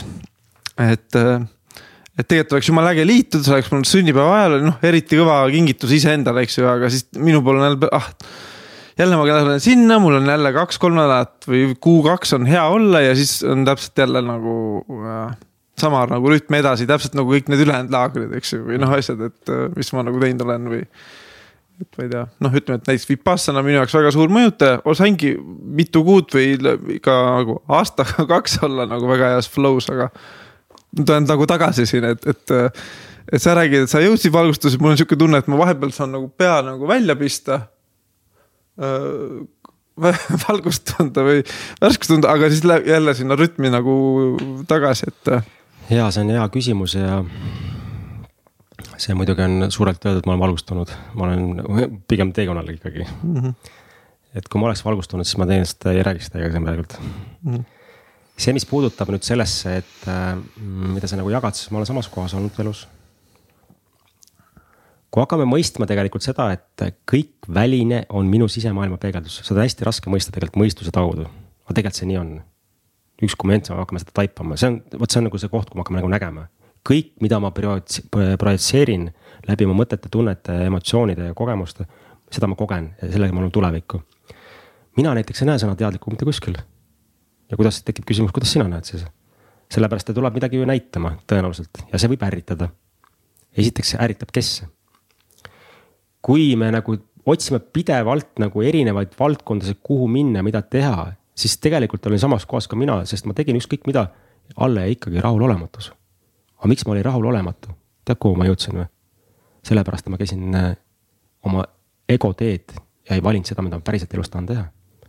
selle taga oli rahulolematus, hästi tugev rahulolematus. ma tegelikult äh, sisemiselt tundsin, et ma tahan hoopis mujale minna. isegi öeldakse, et mu sisemine poiss see väike armas poiss, mis mu sees on, on ju, kellega ma aastaid-aastaid isegi ei suhelnud, on ju. vaid ütlesingi, et sina ole vait, mine asjad käivad niimoodi, on ju. siis tema elas oma rahulolematust tegelikult enda sees välja, sest ma ei valinud tegelikult seda, mida ma päriselt tahan. vaid valisin kellegi teise järgi, mida keegi teine teeb, keegi, keegi pakub. aga võib-olla see ei olegi minu tee, keegi ei, ei, ei pea jogat tegema, ei pea mediteerima. ei pea üldse midagi sellist asja tegema, see on lihtsalt üks valikutest. võib täitsa vabalt midagi muud teha Fred Jussi nagu hammustaski läbi, tema jaoks on loodus tähtis. minna lihtsalt loodusse, visata pikali on tema jaoks juba piisav. Hmm.. ei pea seal jogat tegema. Hmm.. et minu, minu sõnum on see, et üks õppe, kui me räägime siis planeet Maast kui koolist, siis üks õppeaine, mis on hästi tugevalt nagu peaks nagu enda sisse nagu välja võtma, ära õppima, on see, et kuidas õppida moljutamist. kuidas õppida moljutamist. Ja seda on nagu päris raske õppida ma ühe mehele ütlesin, et noh, ma olen andnud kaasa, et nüüd õpime mollutamist. esimene tund, lähed koju, istud nat-, äh, tund aega diivani peal, mitte midagi ei tee. ja, ja kuuled juba, oota, mis seal külmutuskapis ikka oli, keegi pidi helistama mulle, kurat, rohkem küll ei viitsi, telekast tuleb ikka midagi või. oi, ja mul oli üks asi tegemata, noh, stopp, midagi ei tee, lihtsalt istud nagu rahulikult, ei pane muusikat mängima, rahulikult istud nagu on. üks mees ütles, ma mollutasin terve päeva, ma ütlesin, mis tegid? Netflix, Netflixi vaatad mm. -hmm. ehk ma tegelikult see rahulolematus ei hakka mitte kuskilt mujalt kui minu enda seest mm. -hmm. ja nüüd tekib küsimus, miks ma olen rahulolematu, ma võin ju teha ükskõik mida nagu ütleme, kas ärimaailmas on see, et ostan uue auto seda nädal aega ringi. enam ei taha noh, tahaks midagi uut juba saada, eks. Lähen ostan mingi muu asja, ostan suurema maja. võtan parema ilusama naise, läheb jälle mingi aeg mööda, ikka rahulolematu, eks ehk sõnum ongi tegelikult see, et rahulolematus ei ole mitte kuskilt mujalt hakkab pihta kui minu enda seest. Kõik hakkab minu enda seest. ja hea nagu noh, nagu Egert tegelikult küsis ka, aga mis tunne seal tegelikult taga on. miks ma kogen üldse seda tunnet, et äh, mul on raske sinna sügavamale minna? miks tekib tunne, et ma peaks kohe uue asja võtma? miks on tunne, et see ei sobi? miks on tunne, et äh, pean midagi nüüd midagi muud tegema, kust see tekib siia sisse üldse? sest tegelikult äh, hästi hea koht on tegelikult ka see, et käisin Vipassanas ära, kaks kuud oli hea olla. Õpin rattaga sõitma, kaks korda aastas sõidan, ei õpigi sõitma mm. -hmm. aga mis siis, kui iga hommikul natuke proovida mm? -hmm. aga pole aega ju, aga aega on ju universumis kogu aeg ühepalju. ja mis siis, kui aega polegi olemas? mina sain nagu aru, et see on minu mehele vastutusala, et kui ma hommikul ärkan, et kas ma siis teen, on ju, on mitu mm. varianti, on ju. kas lasta nagu liugu, minna metsa, teha arvuti lahti, hakata, hakata scroll ima, ma olen kõik seda läbi teinud, on ju. Mhm. tõmmata juba nihukest negatiivset energiat sisse või võtta aeg iseendale, laadida ennast ja teha midagi sellist, mis päriselt ära laeb. ma nägin ka sellist asja läbi, et äh, kui ma päriselt nagu teen midagi sellist, mis äh, mind tõstab, mis tekitab hea tunde noh, ükskõik mis, eks, noh, ma teen külmapraktikaid näiteks on ju hommikuti ja noh, joogat ja kõike no, päästavaid asju, igast mõnusaid asju, mis teevad hea tunde on pärast võiksid rääkida ka neid praktikaid, mida sa teed iga päev või iga nädal mm.. et äh, siis ma nägin, et see rahulolematus tegelikult ei olnudki mu sees mm.. ma olen alati küsinud, et palju ma võtan iseenda jaoks aega, et iseennast armastada. mõni suhe on tegelikult ka hästi huvitav, mees tuleb suhtesse, ütles kolmkümmend aastat elas naisega koos ja naine jättis nüüd lõpuks maha ja ja naine ütles, et kaheksa aastat pole armastanudki. ja täiesti šokis nagu onju. aga miks sa siis koos minuga elasid? noh, hirm oli lahti lasta, eks. Aga kakskümmend kaks aastat armastasin sind. ja ma küsin mehe käest, aga kas sina iseennast armastad või? oled peegli ees vaadanud või? ja mees läheb peegli, ütleb, et ei armasta. aga naine armastas kakskümmend kaks aastat. huvitav on ju, ja siis me mõtleme, et miks naised meid maha jätavad. kui me iseennast ei armasta ja see ongi see, mida me koos teeme ka väelaagrites, et me avame uuesti oma väe, et iseendaga kokku saada. See, mida me oleme harjunud, et see armastus või see energia, mis kõik nagu on, et tuleb välispidiselt, see on illusioon. me avaneme läbi iseenda välisele. aga kuidas sul laagrid välja näevad, mida te teete seal täpselt? no see on hästi huvitav, tegelikult me ei teegi eriti midagi mm. mul sageli naised, meeste naised, huvitav muideks ka see, et väga paljud mehed, kes tulevad, naised saadavad mm. -hmm. sest mees ise, noh, ego on nii kõrge, vaata ei julge tulla nagu. ega mul ei ole midagi viga. peaasi, peaasi keegi teada ei saa mm. -hmm. Peas... seda saadet ka kuulnud, et äh, mehed ise väga ei kuula, aga naised on soovitanud ja siis mehed kuulavad ja aa, päris aitäh, tore on, eks. aitäh, et juhatate, päris naised. me armastame naisi kõiki, aitäh teile, et te juhatate mehi mm. -hmm. ja naised saadavad, ostavad isegi meestele kingituseks, sünnipäevadeks. ja see mees tuleb sealt tagasi. naine küsib missugune seal juhtus mm, -hmm. sa oled hoopis teistsugune. naine tegi iseendale kingituse. sa ei ole enam see mm, -hmm. mis te tegite seal, mees ütleb, midagi teinud, lihtsalt olime. see on huvitav koht, et meil on mingi lugu, et me peame kogu aeg tegema mm. -hmm. mina näitan hoopis seda, et ei pea alati midagi tegema. meenus üks vana seik, kus äh, minu esimene kokkupuude tantraga oli tänu minu tolleaegsele partnerile, kes ütles, et tema läheb, noh, ma ütlesin, noh, et kuidas ma siis üksinda lasen sul minna, eks ju. Ja see avas mul nii palju, et ma ei, noh, kuidas ma ütleks, et, et ma sain siis peale seda kogemust aru, et tegelikult see ei ole üldse, et see suhe, kus ma olen, ei ole üldse nagu. noh, sel hetkel oli ikka õige, õige ja tore, aga nagu, et see ei ole see, mida ma edasi soovin et see tantra avas nagu. vaata, kui hea kingituse naine sulle tegi tegelikult. jah, et. kui me oskame seda nagu, see on teadlikkusele, üks asi on see, et äh, süüdistan, et sa mind mm -hmm. surusid sinna. aitäh, et sa mind äh, maha jätsid näiteks, muidu ma poleks kunagi siia jõudnud, võib-olla. aitäh, mhm. et midagi juhtus mu elus, on ju. see on, kui me paneme tänulikkuse energia igale poole taha, siis meie sagedus tõuseb. mida rohkem me iseennast tümitame, madaldame, kritiseerime, seda madalamas sageduses me elame, kisselli sees ja ongi raske päriselt on raske ja meie õppetund ongi see selles elus, kuidas iseennast vastu võtta just sellisena, nagu ma olen mm. -hmm. et igas hetkes hakkan aktsepteerima iseennast. Ma olen nagu vaata nagu noh, teen ka suhte erinevaid praktikaid ja teraapiaid äh,. nii lihtne on alati nagu keskenduda sellele, et partneris on mingi midagi valesti nagu, eks. tegelikult partner peegeldab meie alateadlikke mustreid noh, ma teen, lihtsalt toon teile selle raadiokuulajale ka sellise praktika sisse. kirjuta oma partneri kohta näiteks või inimese kohta, okei okay,, su partnerit täna ei olegi. inimese kohta on see ema, isa, ükskõik kes või mingi sõber, kes sind kõige rohkem ärritab, mingi töökaaslane. kirjuta kolm punkti üles, mis tema puhul kõige rohkem ärritab, kuni viis. ja siis ma ütlen, et tere tulemast oma alateadusmustritega. sest tema peegeldab meie alateadusmustrit, sest näiteks äh, keegi teine istub kõrval ja tema ei koge selle inimese suhtes seda mm. -hmm. mul üks sõber, keda ma meelega hoian lähedal või noh ka hullult trigerdab ja ärritab, siis ma olen ka.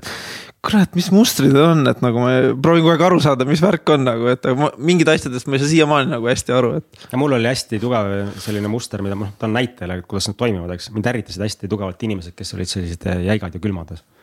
Nad tundsid mind täiega ärritasid noh, oli see siis äh, kui inimene ei olnud sõbralik, ütleme siis nii, eks, siis mind täiega nagu ärritas. ja ma sain mõnikord mõtlesingi, et fuck, et tahaks nagu molli anda umbes, miks sa selline umbes oled, onju ja mind eriti ärritas mind äh, muideks ema mingi mm. hetk. nihuke jäik ja külm nagu kuidagi tundus, eks noh, ja siin ei, ma ei süüdista oma ema, vaid noh, ta lihtsalt peegeldas, eks ja ma nägin, et ka ärimaailmas olles, et ma tegin nagu ülinihukseid jäikasid otsuseid ja ma olen isegi notari lauast välja astunud, äh, kui mingit päris kallist objekti nagu müüsin ja rääkisin mingi sajast eurost läbi, lihtsalt tõusin püsti, läksin minema nagu noh. milline jäikus noh, lõpuks -hmm. läksin peegli ette, sain aru, et see jäikus olen mina, mitte keegi muu mm. -hmm. Need inimesed lihtsalt näitasid mulle seda minu alateadvusmustrit, milline mina olin nagu onju. ja ma küsin, vau, mina olengi see tegelikult ju. miks ma selline üldse olen? Läksin nagu sügavamale. ja jõudsin sellesse kohta, et äh, need kõik kogemused, mis ma lapsepõlves olin saanud, kus ma olin isegi haiget saanud. mingi valukeha oli tekkinud. siis ma olin oma südametasandil kinni pannud. kui me südametasandi kinni paneme, siis me läheme südamesse ja muutume selliseks külmaks see ei olnud nagu vale, sellepärast et äh, ma muud moodi ei osanud see hetk lihtsalt siin elus ja pidin noh, kuidagi minema, eks. aga ma nüüd sain aru, et ma saan seda muuta. ja see muutus oligi see, et kuidas ma saan iseendaga rohkem muutuda, iseenda suhtes rohkem muutuda soojemaks, pehmemaks, paindlikumaks. sest vaata see jutt, mis siin sees on, on ju, see on hästi konkreetne, on ju. kui tihti ma tegin mingid sündmused ja hästi tehtud küll, aga ehk juba panen endale ära, vaata, eks see on kõigil meil siin sees, on ju. ja raadiosaate tegime küll, on ju, aga oleks võinud ikka midagi seal veel küsida nagu mm, -hmm. juba ma tümitan mm -hmm. ennast. tegelikult on see, kui ma iseennast nagu võtan vastu, aktsepteerin. hea saade oli, punkt. punkt mm. -hmm. küsisin täpselt neid küsimusi ja vastasin nendele küsimustele, punkt. aitäh, et ma nii hästi seda lõime, eks mm, -hmm. punkt see on nagu see iseenda nagu vastuvõtmine, eks. seda jube raske teha ikka. ma alati, esimese asjana, kui saade läbi saab, ma nagu scroll in alati läbi. mind, mul oli sama asi, mul terve elu on see nagu olnud, eks. aga ma, ma tahan ka öelda, kui teadlikkusele, eks, sa mm. näed selle läbi, et see, see ei ole tegelikult mu emas viga, see ei ole mu nendest inimestest, kes ärritasid mind. vaid see on nagu minu enda teema. ja see on nagu teadlikkus, ma saan enda sees selle ära muuta ja see oligi koht, kus ma hakkasin iga kord, kui mind keegi ärritas, ütles, et vau, aitäh, et sa mulle näitad jälle. kuule, ma olen täiega tümitan ennast jälle praegult, ma olen jumala jäik enda suhtes, noh. jumala külm olen ka enda suhtes, noh. kuule, äkki ma oleks enda suhtes natuke paindlikum, noh kuule, ma näen jah, et ma panen täiega kõikide asjade üle, et kuule äkki nagu puhkaks ja naudiks natukene vahepeal. äkki nagu sellesse liiga nagu tegemisse, tegemisse lähed, siis see koht on nagu, et oota nüüd stopp. äkki nagu naudiks natuke vahepeal, puhkaks sest ma ütlen ka, et noh, see piltlikult öeldes see mäkke minek on ju, kui sul klapib pea sealt tippu välja, noh. mis nauding see nagu siis on? vahepeal ikka istud ja vaatad ja jood teed nagu on ju, mhm. see oleks äge tegelikult teekonnas on. enamus inimesi elabki nii, et nagu tehases töötavad, hommikul lähed, siis hakkad mäkke ronima ja. viiekümneselt on seal mäe tipus ja elu on läbi nagu on ju, ja mitte midagi pole elus näinud ju. nii palju mehi on käinud ju tegelikult äh, ringides ja jaganud, et tegelikult äh, ei olegi elus mitte midagi näinud peale töö noh üks mees rääkis mulle, ta pole kümne aasta jooksul mitte ühtegi päeva puhanud. küll viina joonud palju, sellepärast et närvid on jumala läbi nagu, eks mm. -hmm. ja täna nagu elab metsas ja näeb noh maailma teistmoodi, eks. ehk oluline mõista, et äh, meil on igas hetkes võimalik muuta. ja valida. ja valida mm -hmm. ja kunagi ei ole hilja ja alati kõik on võimalik. mu isa on täna seitsekümmend seitse, Egert on näinud mm, -hmm. käib joogas mm, -hmm. on vitaalsem kui mõni nelikümmend, on taimetoitlane, ütles, pole kunagi nii hästi ennast tundnud seitsmekümne seitsmeselt mm. -hmm ehk see on ainult üks lugu, et me viiekümnest hakkame kuhugi ära minema. mina ütlen, et äh, minu, ma pole elama hakanudki tegelikult veel. ausalt ütlen teile välja seda. ma ei ole veel elama hakanudki. see kõik, mis ma hetkel kogesin, see oli lihtsalt ettevalmistus selleks, et ma lõpuks hakkasin elama mm. -hmm. ja ma ütlen, me elame täiega kõik üle saja aasta, kui me hakkame endaga nagu päriselt nagu tegelema ja vaatama, kes me tegelikult oleme. ja nüüd on see koht okei okay., kui ma iga päev võtan endale mingi natukene aega, eks. on see siis viis minutit või kümme minutit. Vaata, kui palju sa saad juba kuus enda kvaliteetaega, eks. mul oli vahepeal tingimus, noh, see Vipassanas on tund õhtu, tund hommik, eks ju, siis ma sihtasin ikka seda ma olen alati soovitanud seda, et palun ära sea endale selliseid eesmärke, mis on nagu rasked mm. -hmm pigem äh, vähem ja vaikselt minnes, mina alustasin viiest minutist ju ja mul olid närvid täiesti läbi sellest ajast mm.. iga nädal hakkasin minuti juurde panema, kui ma mediteerisin, on ju. ja see mediteerimine ei olnud midagi muud, lihtsalt istusin ja kogesin oma keha, tõmbasin ennast tagasi, on ju. ja ütlesin lihtsalt, hingasin sisse, rahu. viis minutit ja, ja närvid olid täiesti läbi nagu on ju. Mhm. aga kolmas nädal ma kogesin midagi sellist, et mul ei olnud äh, mingi kakskümmend, kolmkümmend sekundit ühtegi mõtet ja ma hakkasin nutma mm..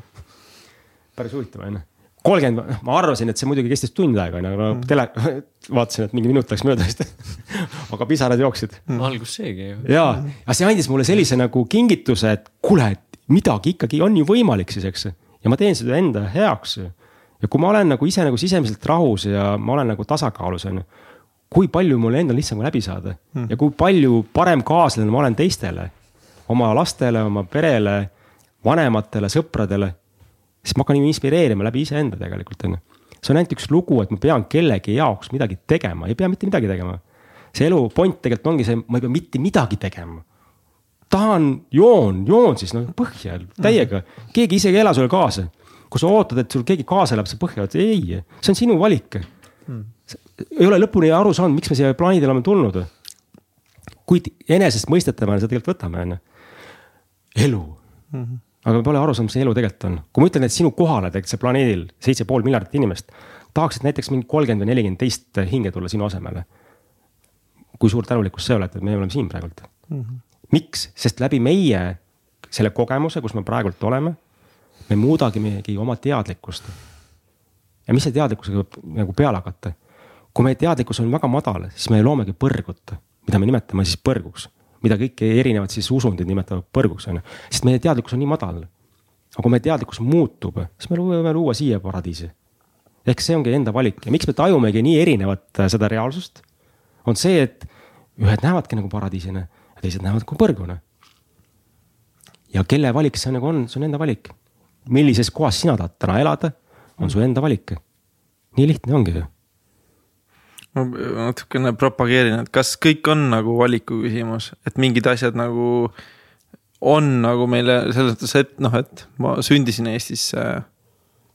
mu on vana-vanaisa poolt saanud tugevamad nagu juured või tunded või programmi äh, sellesse, et ma tunnen ennast Eestis nagu.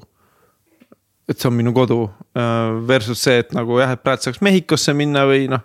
mul osad lähedased noh, et kes on nagu tunnevad ennast siin väga ahistatud ta,, tahavad nagu veel täitsa kaugemale minna, et, et ei oleks üldse tead noh, selliseid reegleid nagu lääne ühiskonnas on, eks. et kas meil päriselt on nagu lõpuni välja nagu täielik vabadus? nii kaua, kui äh, ma ei mõista ühte asja, et mina olen selle reaalsuse looja, nii kaua ei olegi mm.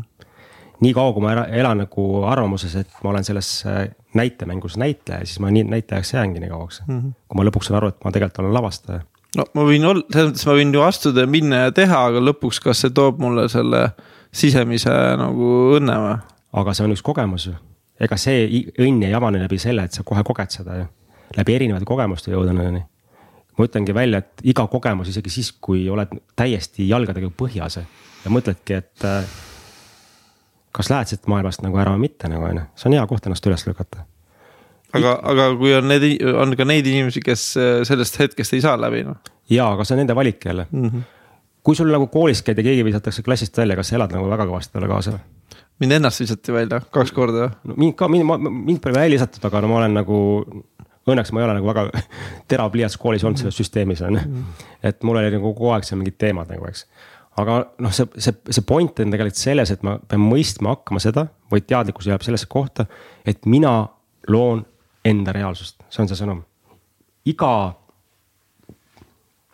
panin täna isegi postituse, et tänane päev on minu eilse päeva energeetiline looming mm.. tänane päev on minu eilse päeva energeetiline looming. et siis ma saan ikkagi täna hakata kujundama paremat homset. et üks asi, mis tahan veel tuua, et see, et me Eesti, Eestis elame, see on kingitus. Ma olen üle maailma käinud ringi ja Eesti on maailma mõistes ülivõimsas kohas. nimetatakse isegi maailma kolmandaks silmaks. erinevates kohtades käies ma olen tajunud, Eestis on ülivõimas ja miks, ma ei räägi ühiskonnast, kollektiivteadusest mm, -hmm. ma räägin maast. see maa, see on ülivõimas ja ürgne. mis, kust vägi tuleb? tulebki läbi maa, läbi metsade, läbi ema, emaks maa nagu, eks. ei pea minema Mehhikosse palile ja kuhugi, see on lihtsalt fun. Aga selleks, et nagu ärgata, me oleme üliheas kohas, sest see toetus, mis tuleb nagu läbi maa, no el, elav organ, eks. ja maa, maateadus iga päev tõuseb, eks. üks päev just mõtlesin, et äh, üks päev, eile, et see maa, maa tuum ju ka, et me oleme ka põhimõtteliselt mingi vana põleva, mitte vana, no kuidas öelda, no mitte nii uus päike, eks ju, aga selles mõttes, et me oleme ikkagi põleva, põleva kera peal, mille, et see, et see, see, see energia ju tegelikult, mis kõik sealt seestpoolt ka tuleb see on see siis selle, kuidas öelda, maakera tuumalooming on see maakera koor, eks ju, ja me oleme siin maakera koore nagu peal, et siis noh, vahest kas me oleme päikselapsed või oleme hoopis nagu maakera lapsed. ja see on, see on selles mõttes, kuidas seda vaatad, eks mm. -hmm. mina tajun seda, et maa tuum on eluenergia allikas mm,. Puhas teadus, orgaanika ja maateadus iga päev äh, tõuseb, kes on natukene uurinud Schumanni res- resonantsi kohta on. et ma, see ongi see, et me elame nagu elus ole-, elusolendi maa peal. ja kas me võtame seda maa nagu sagedust vastu, on nüüd see koht, eks. mõistus ütleb, et see ei ole võimalik, ei võta vastu. elan mõistuses ja mis siis juhtub, keha hakkab üles ütlema. mis tekib? psühhomaatilised häired, stress, ärevus kehaliselt mingisugused äh, erinevad sümptomid löövad lahti, eks. sellepärast, et me ei tule selle maa energiaga kaasa lihtsalt. selle maaenergia, ma teeks siukse nagu pildi looks. see on, et öö, kui teadlik mees või inimene öö, soovib luua nagu, et, et olla nagu see teadlik mees või teadlik inimene, sa oled ühenduses ikkagi maaga eks, et siis mul tuleb fi- filmi näitena nagu Avatari filmis, eks ju, seal olid need avatarid, kes on siis väga heas ühenduses kõigega, mis nende ümber on, eks ju. Siis teiselt poolt on justkui see nagu noh, võib-olla see on mingi filmis loo- loodud see duaalsus kohe, et on siis need, kes äh, nagu oma selle avatari loovad siis sellest masinatest ja muust ja noh, nad ikka lähevad sinna roboti sisse, eks ju, et ka nagu tegelikult kasutavad seda välist, noh välist oma, oma enda võimendamiseks siis. et, et kas, kas peab olema selline nagu duaalsus, et noh, et kui ma nagu proovin mingitele sõpradele rääkida näiteks noh, joogast, et minge, minge joogasse või mediteerima või vipassanasse, et, et ähm, et äh, siis võib-olla mingite inimeste peas ongi see duaalsus loodud, et ai, siis must saab noh, et ma ei pea olema, et siis saab ka nagu veganist äh, looduse säästja või noh, seda nagu on see üks stereotüüp, eks ju, loodud mingi seltskonna peas, eks ju, ja siis võib-olla, ma mäletan ennast ma panin tähele, kui ma rohkem mediteerisin, et ma hakkasin oma sõpradest looma mingit stereotüüpset lugu, et näe, nad. Nad ei saa üldse aru, mis toimub ja muudkui hävitavad ennast ja oma lähedasi, et. sa räägid vaimsest egost, mulle tundub. see on vaimne ego jah yeah., selle nimi on vaimne ego. minul jah see on sihuke. ja, ja see, see hetk, aga üleüld- jah, et, et üleüldse, kuidas need siis nagu. Et äh, kui läbi selle tantra meditatsiooni toimus minul see eraldumine või siis oli, tekkis see vaimne ego.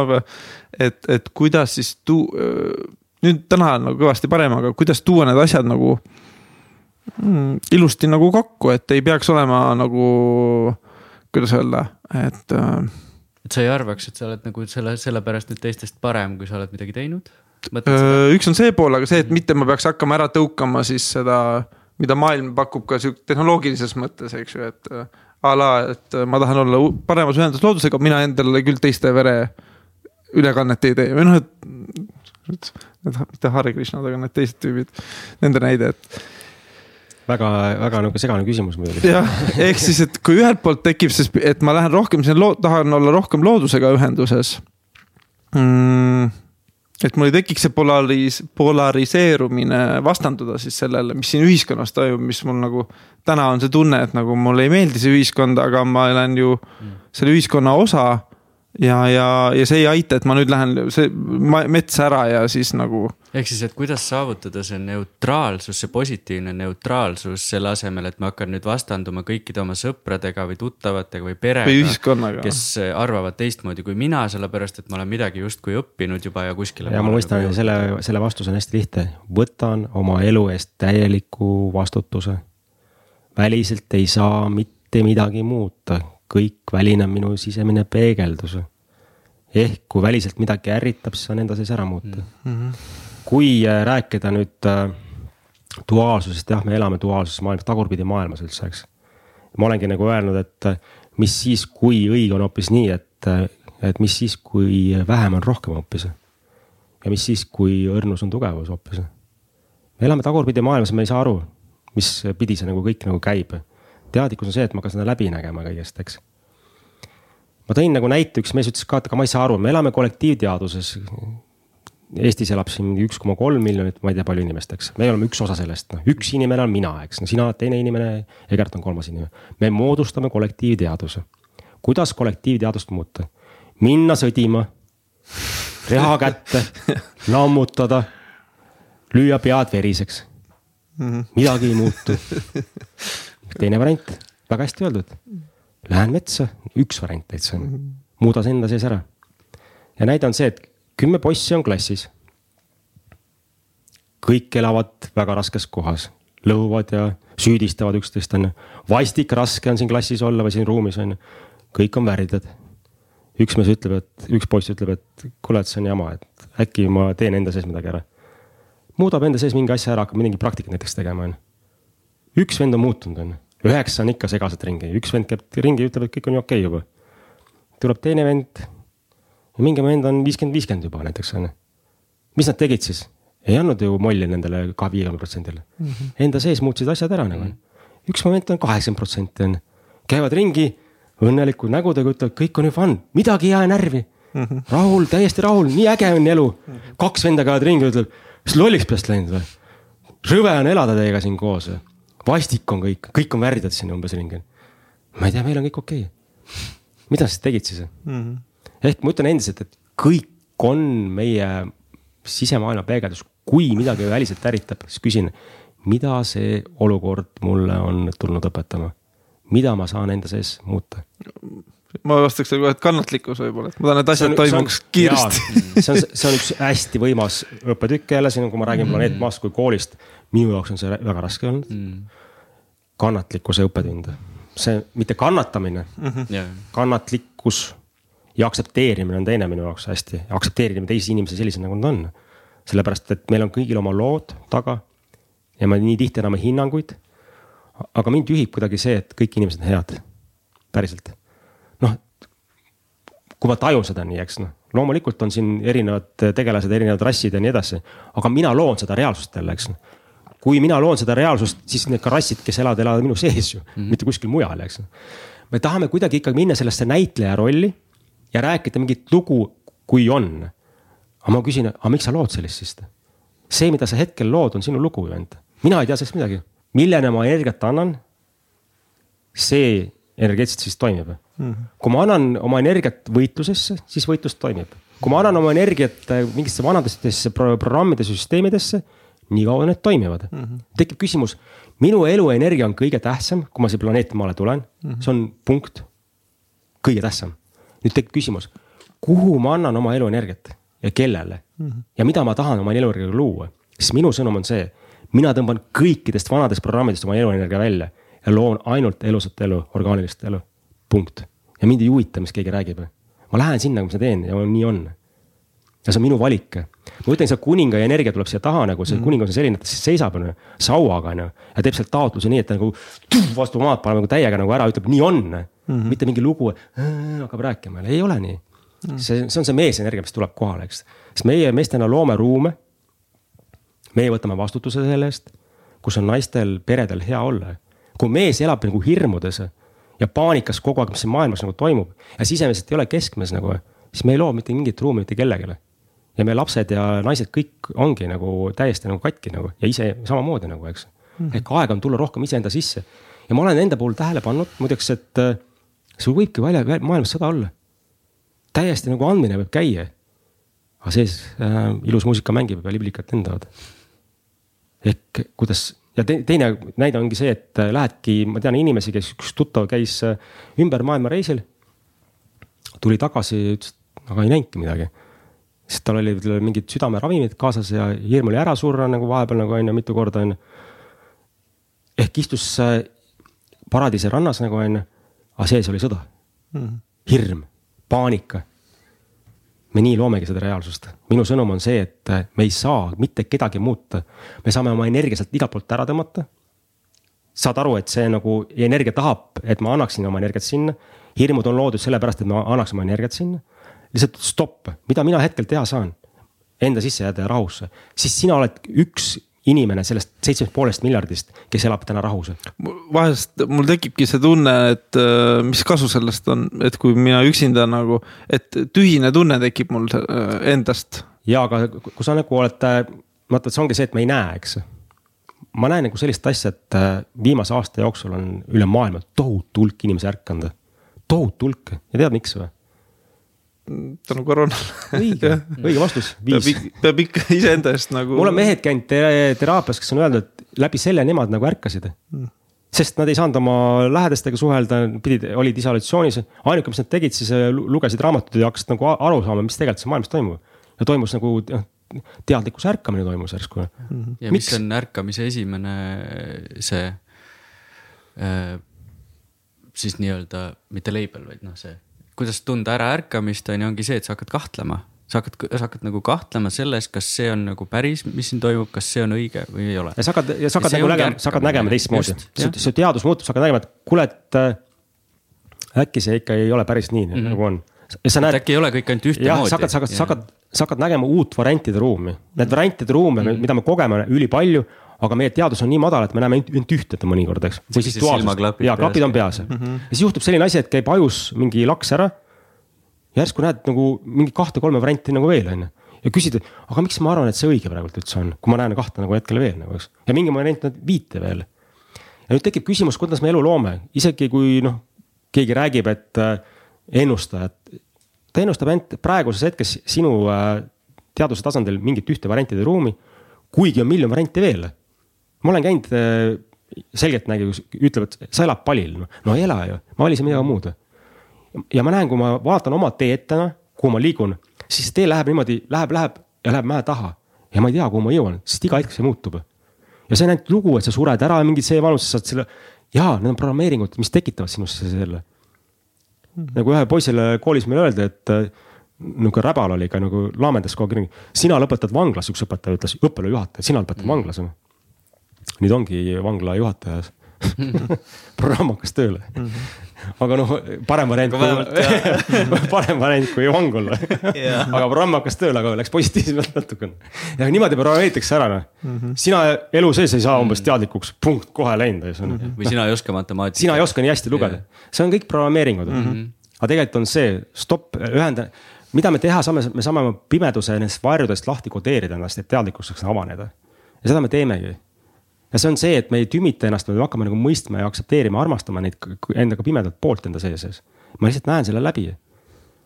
kritiseerin praegu iseennast, okei okay,, ma näen selle läbi ja siis mm. tümitan iseennast, ma näen selle läbi.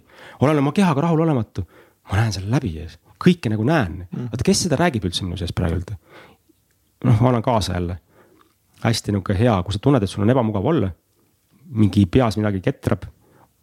tunned ebamugavalt, siis esita ainult üks küsimus milline energia tahab praegu läbi minu voolata või minu sisse tungida?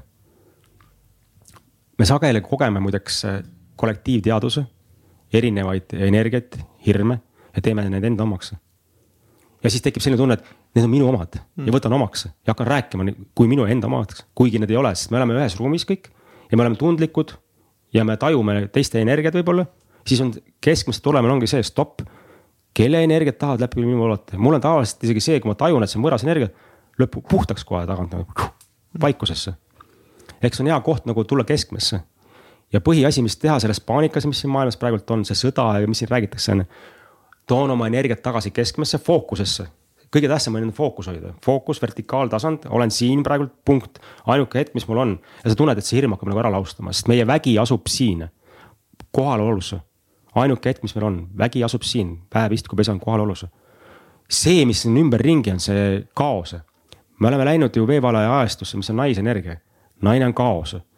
Mees on eluaeg tahtnud äh, naist kontrollida või elu kontrollida kõike nagu on ju, struktuurid, värgid, eks.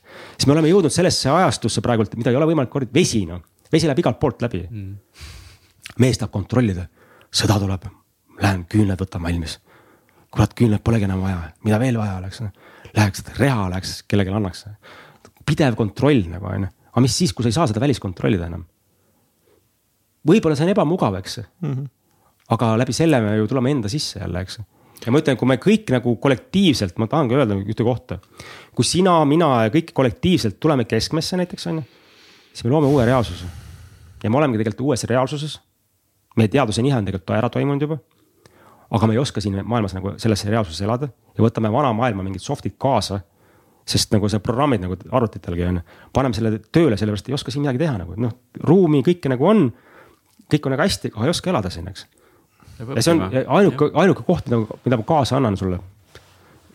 on see, et äh, mida mina ise iga päev nagu õpin. usaldus.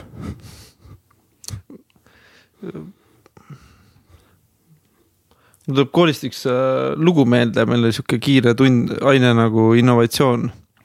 ja siis seal räägiti äh, äh sellest, et äh,, et miks kosmoseraketid on nii laiad, kui nad on.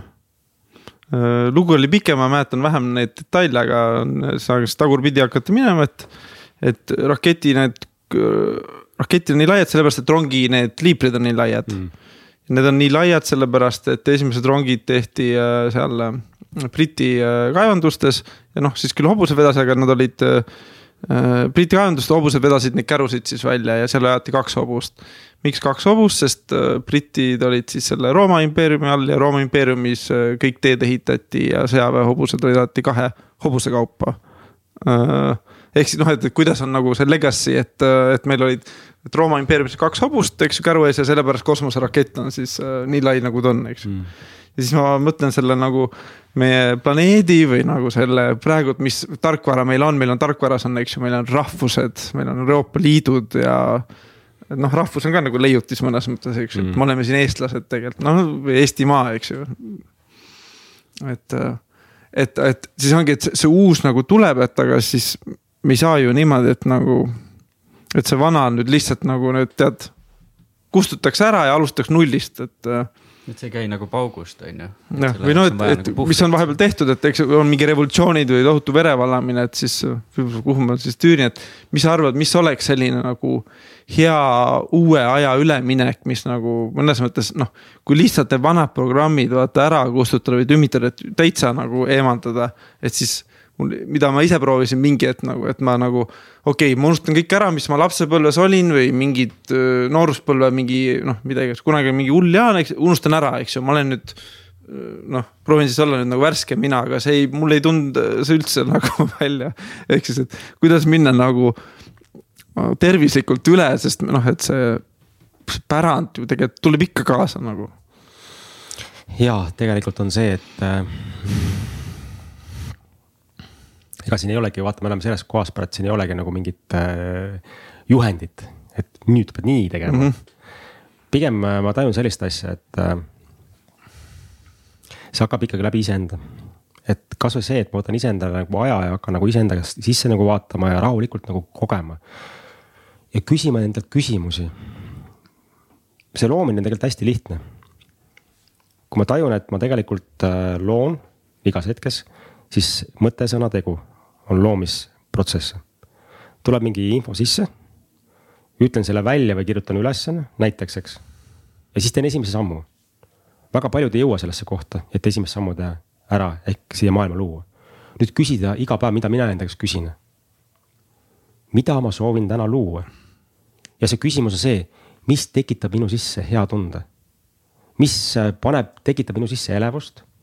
mis tekitab minu sisse sellise rõõmu või inspiratsiooni. sest ma saan aru, et see vana programm on see, et ma pean tegema. see on see, et ma pean oma üüri ära maksma, ma pean oma liisingu ära maksma, ma pean tööle minema. see on, ma kustutasin oma, oma mäluteaduses kustutasin ära sõna pean, mul ei ole niisugust asja olemas. ma olen see, et mida ma valin või soovin. siis mina loon ju. ja täna ma olen jõudnud kohta, et ma mõistusega ei oska seda seletada. kui sa räägid mõistusest üldse, et kuidas need ära kaovad, ma ei mäleta päriselt ka asju enam, ma mõtlesin, ma olen nagu midagi juhtunud minuga on ju. ja ma räägin inimestega, kes on ümberringi samasugused, nad ei mäleta enam mm. -hmm Nad ei mäleta neid äh, varasemaid mingeid kogemusi. Nad ei mäleta varasemaid mingeid asju. ma nägin nagu sellise asja ka läbi, see on minu kogemusest, et, et ka varasemad väga rasked kogemused, mis tekitavad sinu sisse näiteks süü või häbitunnet või raskust on ju. lihtsalt kaalu sellist võimalust, mis siis, kui seda päriselt polegi olnud. või need on sisse söödetud sulle läbi erinevate programmide ajaliinidel sisse pandud. Ehk tunned, et sa oled elus midagi väga valesti teinud vanavanemad või midagi tegi valesti, eks. ja koged seda, koged seda mingit rasket energiat siin taga. ja räägid, aga minul ongi see saatus, noh. kui me elame nagu selles saatuse energias ja me ei teadvusta, et me oleme loojad, siis me olemegi nagu pesumasinas, saatus juhib meid. aga kui me loojad oleme, siis me saame aru, et meie, mina ise ikkagi loon, on ju ma tahangi öelda seda, et kõik need kogemused, mida sa arvad, et sa oled kogenud elus, lihtsalt kaalu sellist võimalust, kui neid tegelikult ei olegi olnud. Okei okay,, kuidas see toimib, eks ainuke hetk, mis sul praegult on, on, on, oled sa siin praegult, eks. ega rohkem hetki ei ole ju. me oleme siin ruumis ja sinuga koos, eks. aga sa hakkad nagu tuletama meelde, mis vanasti oli. oled sa kindel, et see, kuhu sa sisse lähed, on su päris elu olnud? või see on ainult üks lugu mm? -hmm. mina ütlen, et mina nägin läbi, et see oli üks lugu ainult. ja kõige tähtsam on see, mis praegult on sest see, millele sa keskendud, aga vaata, kuidas minu vanaisal ja vanaemal oli ja, ja mingid jutud, need tulevad siis ma viin oma tähelepanu juba minevikku, mida tegelikult ei eksisteeri ja mis on väga tugevalt manipuleeritud mõjutatud. huvitav, et sa selle, toon selle mängu konstellatsiooni korra, mis viimasel ajal on väga äh, trendikaks muutunud ja olen sellest ka ise tegelikult päris palju abi saanud. kas selleks, et unustada, võiks ikkagi esialgu teadlik olla, et see on nagu okei okay aru saada võib-olla või on kohe või on kohe lihtsam minna sinna. ma ei saa, ma ei saa öelda, kuidas sinul see käib, aga minu, mina ei saanud nagu mõistuse järgi midagi ära unustada. see juhtub äh, lihtsalt iseenesest mm. ma olen aru saanud, et ma ei saa mõt, mõistusega mitte midagi teha tegelikult, noh. ma olen püüdnud ka näiteks mõistuse, mõistusega andestada ja tegelikult ma ei ole andestanud mm. -hmm. kui ma lõpuks jõudsin südamesse, siis ma nagu läbi nagu pisarate andestasin. ehk no nii erinevad kohad, noh, noh okei okay,, sa, sa, sa pakkusid mingit kogemust ja mul tekkis äh, ego tasandil mingi solvumise programm sisse on ju. ja ma olen su peale vihane nüüd, eks ma toon näite lihtsalt, et mm -hmm. noh kuulajatele nagu edasi anda. ja nüüd ma elan selles solvumises sinu suhtes on ja me saame kokku ja sa ütled, kuule, et noh. kuule, et sorry, et noh, juhtus nii on ju ja ma ütlen, et kuule, ma andsin sulle andeks on ju.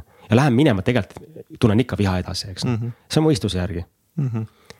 aga kui ma olin palil äh, kaks aastat tagasi pikalt, siis ma ärkasin üks hommiku üles ja ma päriselt tundsin, et äh, midagi nagu toimub mu sees mängis äh, muusika, mingi nihuke hästi rahulik muusika nagu on ju. ja ma nägin piltlikult öeldes, et minu ümber olid kõik inimesed, põhiliselt naised, kellele ma olin haiget elus teinud mm.. ja ma ei mõtle nagu füüsiliselt mm, -hmm. sõnadega. sest me teeme sõnadega tegelikult kogu aeg üksteisele haiget, aga me lihtsalt ei, ei näita, et me haiget saame. ma sain aru, et kui palju ma tegelikult olen inimestele läbi sõnadega haiget teinud. noh, isegi ütlen mõtlematult midagi välja teadvustamata, mida see sellele inimesele pakub nagu selleks, millist valu ta pakub, eks. ja ma tegin sellise asja, et ma sain aru, et ma olen päriselt neile nagu haiget teinud ja võtsin nagu kõigiga ühendust. ja palusin nagu andestust. no loomulikult seal paljudel tegevused ütlesid, et kuule, et unusta ära, siin midagi pole olnudki, on ju. ja huvitav koht oli tegelikult see, et ma sain aru, et ma ei teinudki seda nende pärast mm. -hmm. ja iga kord, kui ma andeks, andestust sain, nagu ma palusin, siis minu vägi tuli sealt tagasi sa andsid iseendale andeks. jaa mm., see näitabki seda, et see välismaailm ise peegeldab iseennast. ehk ma andsin oma sisemise poisile andeks tegelikult. iseendale andsin andeks mm. -hmm. ja noh, lõpus oligi see koht tegelikult, et, et ma jõudsingi iseendasse lõpuks on ju, see oli kõige raskem. andestada iseendale absoluutselt kõige eest. see oli kõige raskem koht, aga see oli nii ilus, kui see nagu muutus et siis ja siis, siis, siis sa jõuad sellesse südame kohta nagu mõistad tegelikult, mis see andestamine päriselt nagu tähendab see oli selleks eh, sinu nagu jutu jätkuks, et, et tahan lihtsalt, et homme mul ei ole ühtegi mõtet peas, see ei ole võimalik. see muutus toimub läbi iseenda nagu vastuvõtmise, aktsepteerimise ja armastamise, mitte survestamise, mm, tümitamise ja nii edasi mm. -hmm. et minu põhisõnum on see, et ka meestele, et see taotlus on see, et lõpetan iseenda survestamise, enda tümitamise ja see kumm, see, lase seda kummi natuke lõdvemaks. Siit hakkab see alles pihta, siis hakkad tajuma, et su teadus hakkab midagi muutuma. mõistusega ei ole võimalik mitte midagi enda sees ära muuta, on minu kogemus. võib-olla keegi suudab, mina ei suutnud mõistusega ei ole mitte midagi võimalik, ainuke on see, et ma hakkan nagu päriselt mõistust lahti laskma. ja tulen kõige pikemale teekonnale, mis on täpselt siis kakskümmend viis sentimeetrit mõistuse südamesse. kõige pikem teekond elus üldse. sõidame küll palile ja tegelikult on vaja kakskümmend viis senti sõita või Mehhikosse, mis sa rääkisid, eks mm. -hmm. ja see on hästi äge teekond tegelikult olnud, ma ei, ma, tahangi öelda, et see iga kogemus, mida ma siis kogenud olen, ka need raskeid kohtasid oma elus, mis on minu jaoks kõige suuremad äratajad muideks olnud. kõige raskemad kohad on kõige suuremad kingitused minu jaoks elus olnud. on aidanud mul siit mõistusest liikuda siis äh, siia südamesse. see südameruum on see, mis on ühenduses hingetasandiga ja puhas teadmus loob nagu igas hetkes tooks võib-olla ühe sihukese uue mm, faktori siia meie vestlusesse mm,. naised hea meelega et äh, mis ma panin nagu tähele, et äh, noh, toon, viskan kohe oma hirmud siia letti, et äh, minu käitumine, olles suhtes abielus nüüd siis on ähm, Äh, ma panen tähele, õnneks mul on nii normaalne nii tore elukaaslane, et äh, ma sealt ei saa nagu seda. Ähm, et ma ei saa sealt seda nagu, et ei panda pahaks mul seda käitumist vähemalt, aga ma näen, et mul on nii palju neid hirmu käitumisi ikkagi nagu suhtes äh, tulevad palju paremini esile, et kui ma mõtlen perioodi, kui ma olin enne seda suhet, siis ma noh, vaba mees olin just, just nagu ennast täiega nagu, kuidas umbes ma vahepeal nagu võib-olla ongi enda peale nagu pahane või et kuidas ma siis nüüd nagu ei suuda olla nagu noh, vaata kui, vaata kui äge, et ma ei pidanudki nagu, kuidas öelda. et see oli ju äge, missugune ma olin. et miks ma siis enam nagu äh, samamoodi ei pinguta või äh, mitte ei, noh, et nagu, mis ma saan, noh, noh, et. et ma näen, et ma hi, suhtes olles, äh, mitte ainult selles suhtes, vaid ka eelmistes suhetes olles tekib mus mingisugune hirmukoht. Äh, kus noh, võib-olla seesama, et kontroll, et tegelikult ma proovin hullult kontrollida seda suhet, tegelikult ei ole, eks ju. ja siis äh, läbi selle kontrolli ja mugavuse tegelikult asjad muutuvad staatiliseks mm. ja siis läheb nagu noh. Õnneks ma täna ma juba märkan vaikselt, et siis ikkagi nagu ennast segada. Ähm, et kuidas sina naistega hakkama saad. võib-olla taustaküsimuseks, et sa oled praegu suhtes, eks? kas sa oled abielus? abielus ja esimest korda viiekümne aasta jooksul teadlikus suhtes. teadlikus suhtes? esimest korda. ja kas sul on lapsi ka? lapsi on aga varasemates suhetes. varasemates suhetes, okei okay.. aga esimest korda elus olen siis teadlikus suhtes mm. -hmm. sest äh, nägin läbi sellise asja, et ma olen varasemalt, varasematesse suhetesse läinud juba ebapuhtast kohast ja ebapuhas koht on see, et ma ei ole läinud armastuse pärast, vaid ma olen midagi läinud saama sinna. ja minu väga suur koht, mille pärast läks suhtesse, oli see, et äh, ma lapse poisina ei saanud piisavalt ähm, ema armastust ja tekkis armastuse defitsiit. ja ma valisin oma naisi oma ellu täitmaks oma armastuse defitsiiti. ehk naiselt midagi saama juba mm. -hmm. mitte nagu andma, vaid saama Äh, oli ka suhted, kus läksin seksuaalsuse pärast, et noh, tegelikult rääkida ei olnudki midagi mm, -hmm. aga ilus oli midagi, ma ei tea, eks. et noh, nii ego pealt, kui üldse minna saab, eks. või siis turvatunde pärast läksin, olen suhtesse läinud. ema suhtesse olen läinud, et ema noh, nagu poega olen mänginud, erinevad suhted on nagu noh.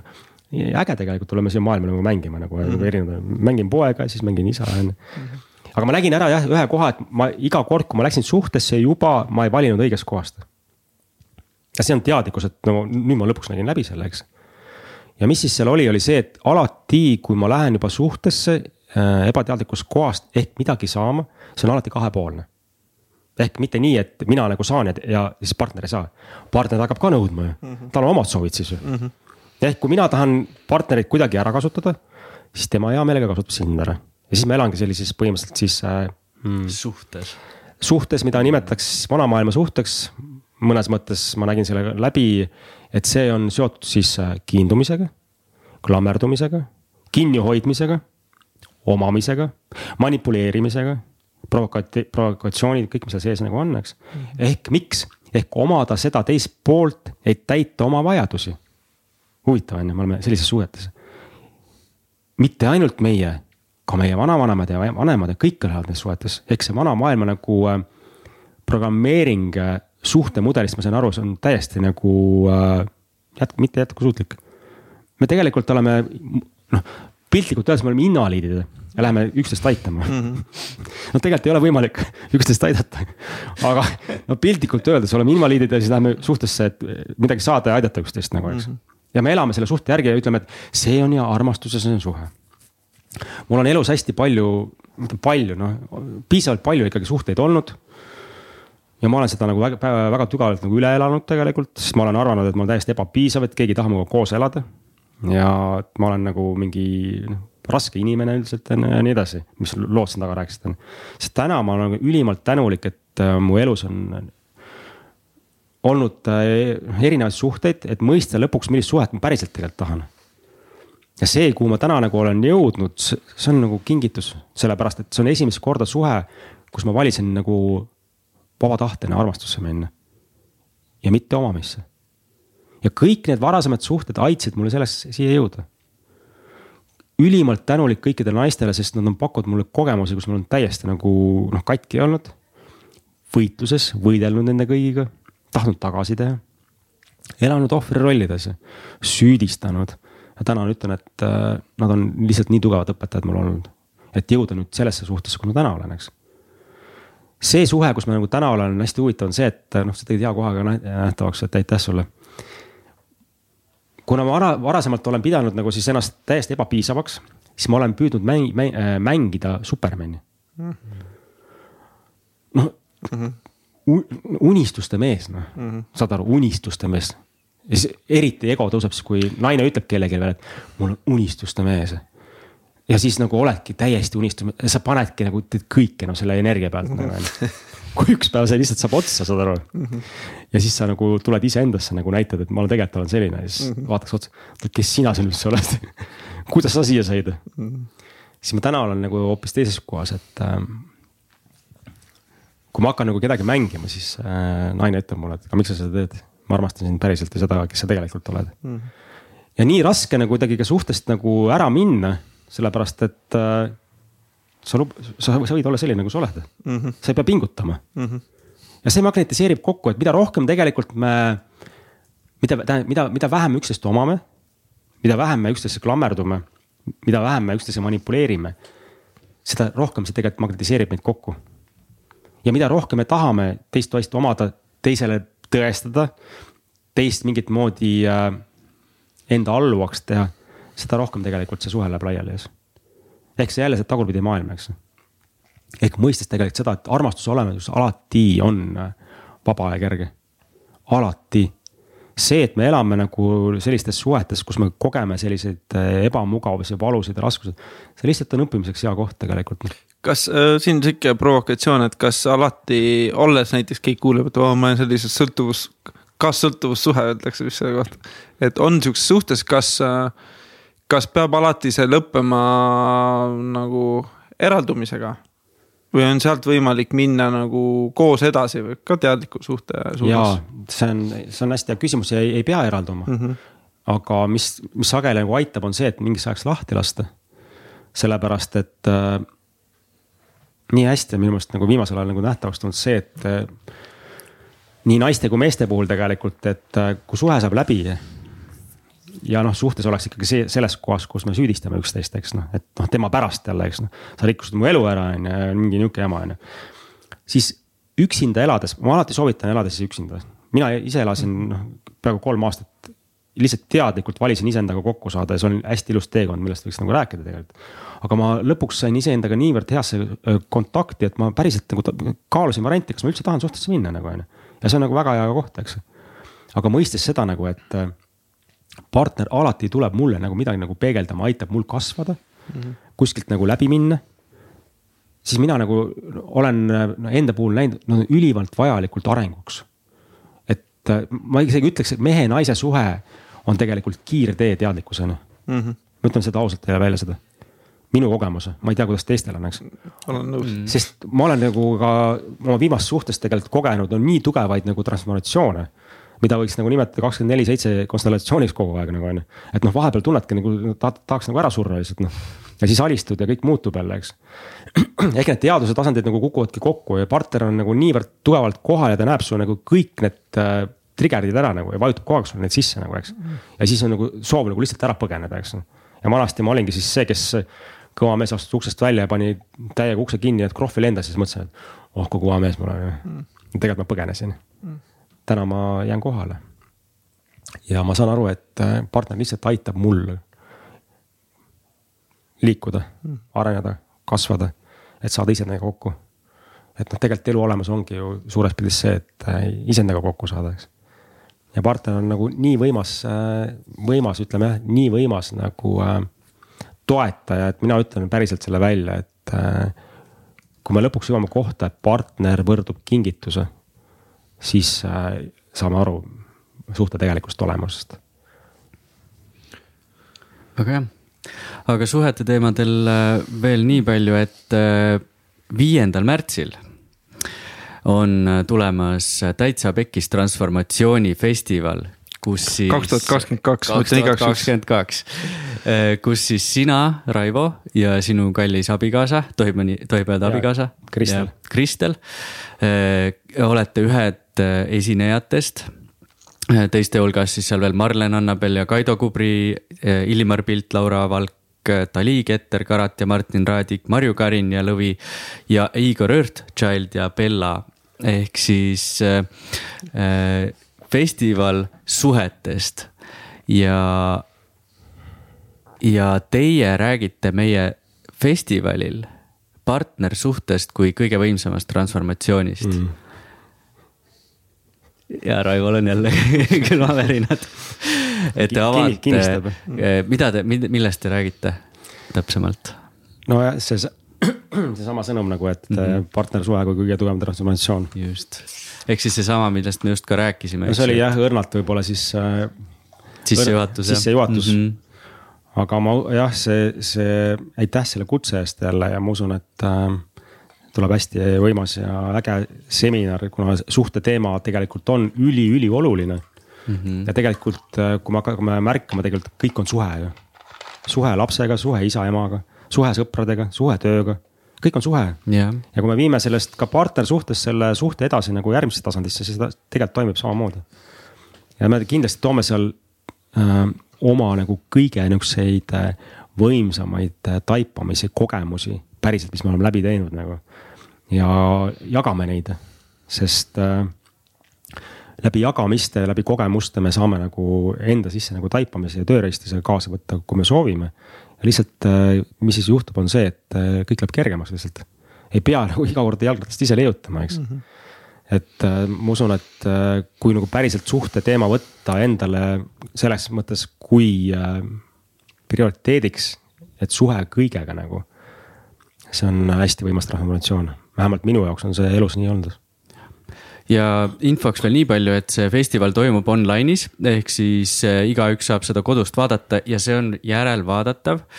nii et äh, pileteid saab äh, sinna soetada siis taitsapekkis.ee kaldkriips seminar, seal on erinevaid versioone piletitest, on paaripiletid ja on üksiku, üksiküritajate piletid. et minge kindlasti vaatama ja, ja kuna jah, et see, need suhted ja need on sellise nagu teadlikkuse alus ka, et siis ma siiralt usun, et see festival kindlasti aitab sellele kõigele väga palju kaasa. ja Raivo ja Kristeli puhul on siis ka veel äh, Nende, nendele on veel siis ka sooduskood ehk siis äh, love light inglise keeles mis siis annab eh, väikse soodustuse ka veel piletite ostule. nii et, et ma julgustan ka mehi kindlasti võtma seda vastutust oma suhte ees ja, ja kindlasti nagu leidma erinevaid lahendusi ja, ja, ja nagu vaatama pigem nagu tulevikku selles mõttes ka, et et kuidas me saame oma paarisuhet tugevamaks teha, paremaks teha, kuidas me saame iseendaga rohkem rahul olla. ja, ja isegi kui sa oled äh, üksik äh, mees ehk siis vallaline, siis äh, kindlasti on sul ka sealt palju õppida selleks, et, et mida nagu tulevikus oma suhete puhul nii-öelda paremini teha või, või, või lihtsalt silmaringi laiendada. et mis on kõik võimalik ja ja, ja seal see, selle päeva sees on kaksteist tundi sisukaid vestluseid, nõuandeid, erinevaid praktikaid. Raivo ja äh, Kristel teevad seal meditatsiooni, eks ju, juhendatud meditatsiooni, nagu ma õigesti aru sain, just. et, et minge kindlasti vaatama. aga ma lõpetuseks küsiksin veel äh, Äh, Raivo käest, äh, millised on sinu praegused praktikad, mida sa teed näiteks, kas siis iga päev või, või iga õhtu või iga nädal näiteks või võib-olla ka kuu, on ju? praegult äh, talvel on kuidagi eriti ja kuna ma mm, praktiseerin juba neljandat aastat äh, külmaga koos olemist ehk külma, külma vee praktikaid siis mu päev tegelikult ärkab äh, tavaliselt nii, et äh, ma kuskil seitse või veerand kaheksa ärkan ja siis esimene asi, mis teen, on jääauku isegi hambaid ei pese ära veel. et kuna meil on see Saaremaal on see tiik on äh, kohe nagu maja juures, siis kümme meetrit ja siis. ja see tõmbab nagu nii kohale ära. ja siis nagu sellest kohast lähed tuppa, pesed hambad ära, siis saad aru, vau, nüüd ma olen siin et siin ei ole võimalik nagu mõelda mõtteid samal ajal, et kuule, et mis, et see tõmbab nagu nii puhtaks ära, et ma tajun nagu sellist asja enda puhul jälle, et kui ma magan öösel ja ärkan hommikul üles, siis kuidagi hakkavad need kuidagi programmid ja kodeeringud tööle, mingid hirmuprogrammid, et. oh, mis täna ikka saab ja mingi noh, vanast ajast. see pidigi olema nii täitsa, et ma aktsepteerisin seda, kui ma sain aru, et aju automaatselt hakkab kortisoli pritsima, kui ärkab mm. -hmm. et inimene hakkaks noh, tõuseks üles vaata. ja ma mõnikord näen, et need, need, need ei ole kõige nagu meeldivamad mm, -hmm. need äh, mõtted, mis tekivad siia pähe ja, ja ei ole kõige meeldivad ja ma saan aru, et noh, täitsa vabalt ju võid ju edasi lesida ja, ja mitte midagi täna teha ja elada oma kassis seal kuskil on ju. aga noh, mulle sobib see jälle kuidagi. et esimene ja kui jääauku ei ole, vahet ei ole, et ma käin kas siis külma duši all, vahet ei ole, aga. ja ma, mis on nagu erinevus, et, et vanasti ma tegin näiteks pealepraktikaid külmas, nüüd ma teen enne juba mm.. Ah. et so, proovin, et soovitan proovida, et äh, lähen alguses kohe külma siis pesen hambad ära, teen mingi tee endale ja siis lähen praktikaid tegema ja praktikaid ma teen tavaliselt siis äh, mingid äh, noh, mingid poolteist tundi umbes. erinevaid siis äh, joogaligi praktikaid, hingamist, meditatsiooni, raputamist, kätekõverdusi, kükke nagu kõiki asju, mis tuleb, eks, maandust. ja lõpetan sellise hästi mõnusa nihukese lõõgastumise hingamisega, et noh, täiesti kohale tulla ja tavaliselt siis kui ma seal nagu nüüd läbi olen teinud, siis ma tunnen, et nagu nüüd ma võin minna ja ükskõik kuhu, eks et nagu... praktikad on iga päev siis nii-öelda erinevalt kombineeritud, eks. ma teen üldse tegelikult, mul ei ole üldse nagu, mulle ei meeldi nagu piirangud ja mingist nagu no, nii peab mm, -hmm. ei pea. ma teen ka joogatunde nii, et see, mis tuleb mm. -hmm. sündmused on, loon samamoodi see, mis tuleb, mul on küll tööriistad, mida kasutada ja mida võtta, aga iga hetk tuleb nagu mingi. aga täna sobib see, kuulan oma keha mm, -hmm. keha ütleb, täna ei tahagi võib-olla külma minna, kuulan ka seda. täna ei taha raputada täna tahan seda teha. ehk pidevalt nagu tunnetada, mis keha tahab tegelikult öelda, mitte nagu teha mõistusest, ma pean tegema ja ma ei pea mitte midagi tegelikult tegema. ja ma näen, et mida rohkem ma kuulan oma keha, seda, seda kiiremini, seda paremasse kohta ma jõuan. ehk see on, minu sõnum on see, et kui keha ongi nagu kosmoselaev või kõige suurem kingitus, mina tegelikult ütlengi, et keha on kõige suurem kingitus üldse universumist, mis me oleme saanud. kõige suurem üldse, siis ma noh, õpin seda juhtima märkan, kus valutab natukene, iga valu on mingi sõnum, on ju kus on kange, kus, kus tahab liigutamist. vaatan, mees siin hakkas kohe pead liigutama et äh, noh, täiega nagu tunned sellist asja, aga mis isegi nihuke mõnikord on nihuke, et kujustadki ette, et ma olen karu, kes on mingi terve pool aastat kuskil vannis maganud on ja siis. no kuidas tahaks nagu ringutada, panen silmad kinni, niimoodi ringutan, et pole kunagi ringutanudki, et noh, lahti tõmmata ennast, eks. ja siis teen erinevaid praktikaid peale.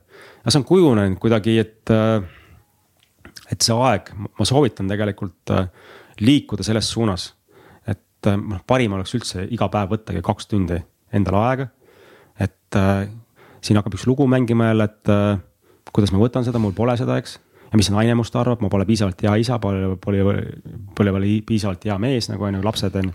siis ma ütlen seda sulle ükskord veel, et äh, see ei ole ego ega isekus kui ma võtan endale aja, et liikuda paremasse kohta iseendaga sellepärast ma vibreerin seda ka väljapoole, eks mm. -hmm. Isekus on see. ego on see, kui ma tahan, et seda teised teavad ka, kes seda ei taha tehagi võib-olla mm. -hmm. naine võiks ka mediteerida. sa nagu sa ütlesidki, ma sõpradele ka mina olen siin, sina pead ka tegema, ei pea, tema on seal praegult, tema ei taha praegult teha.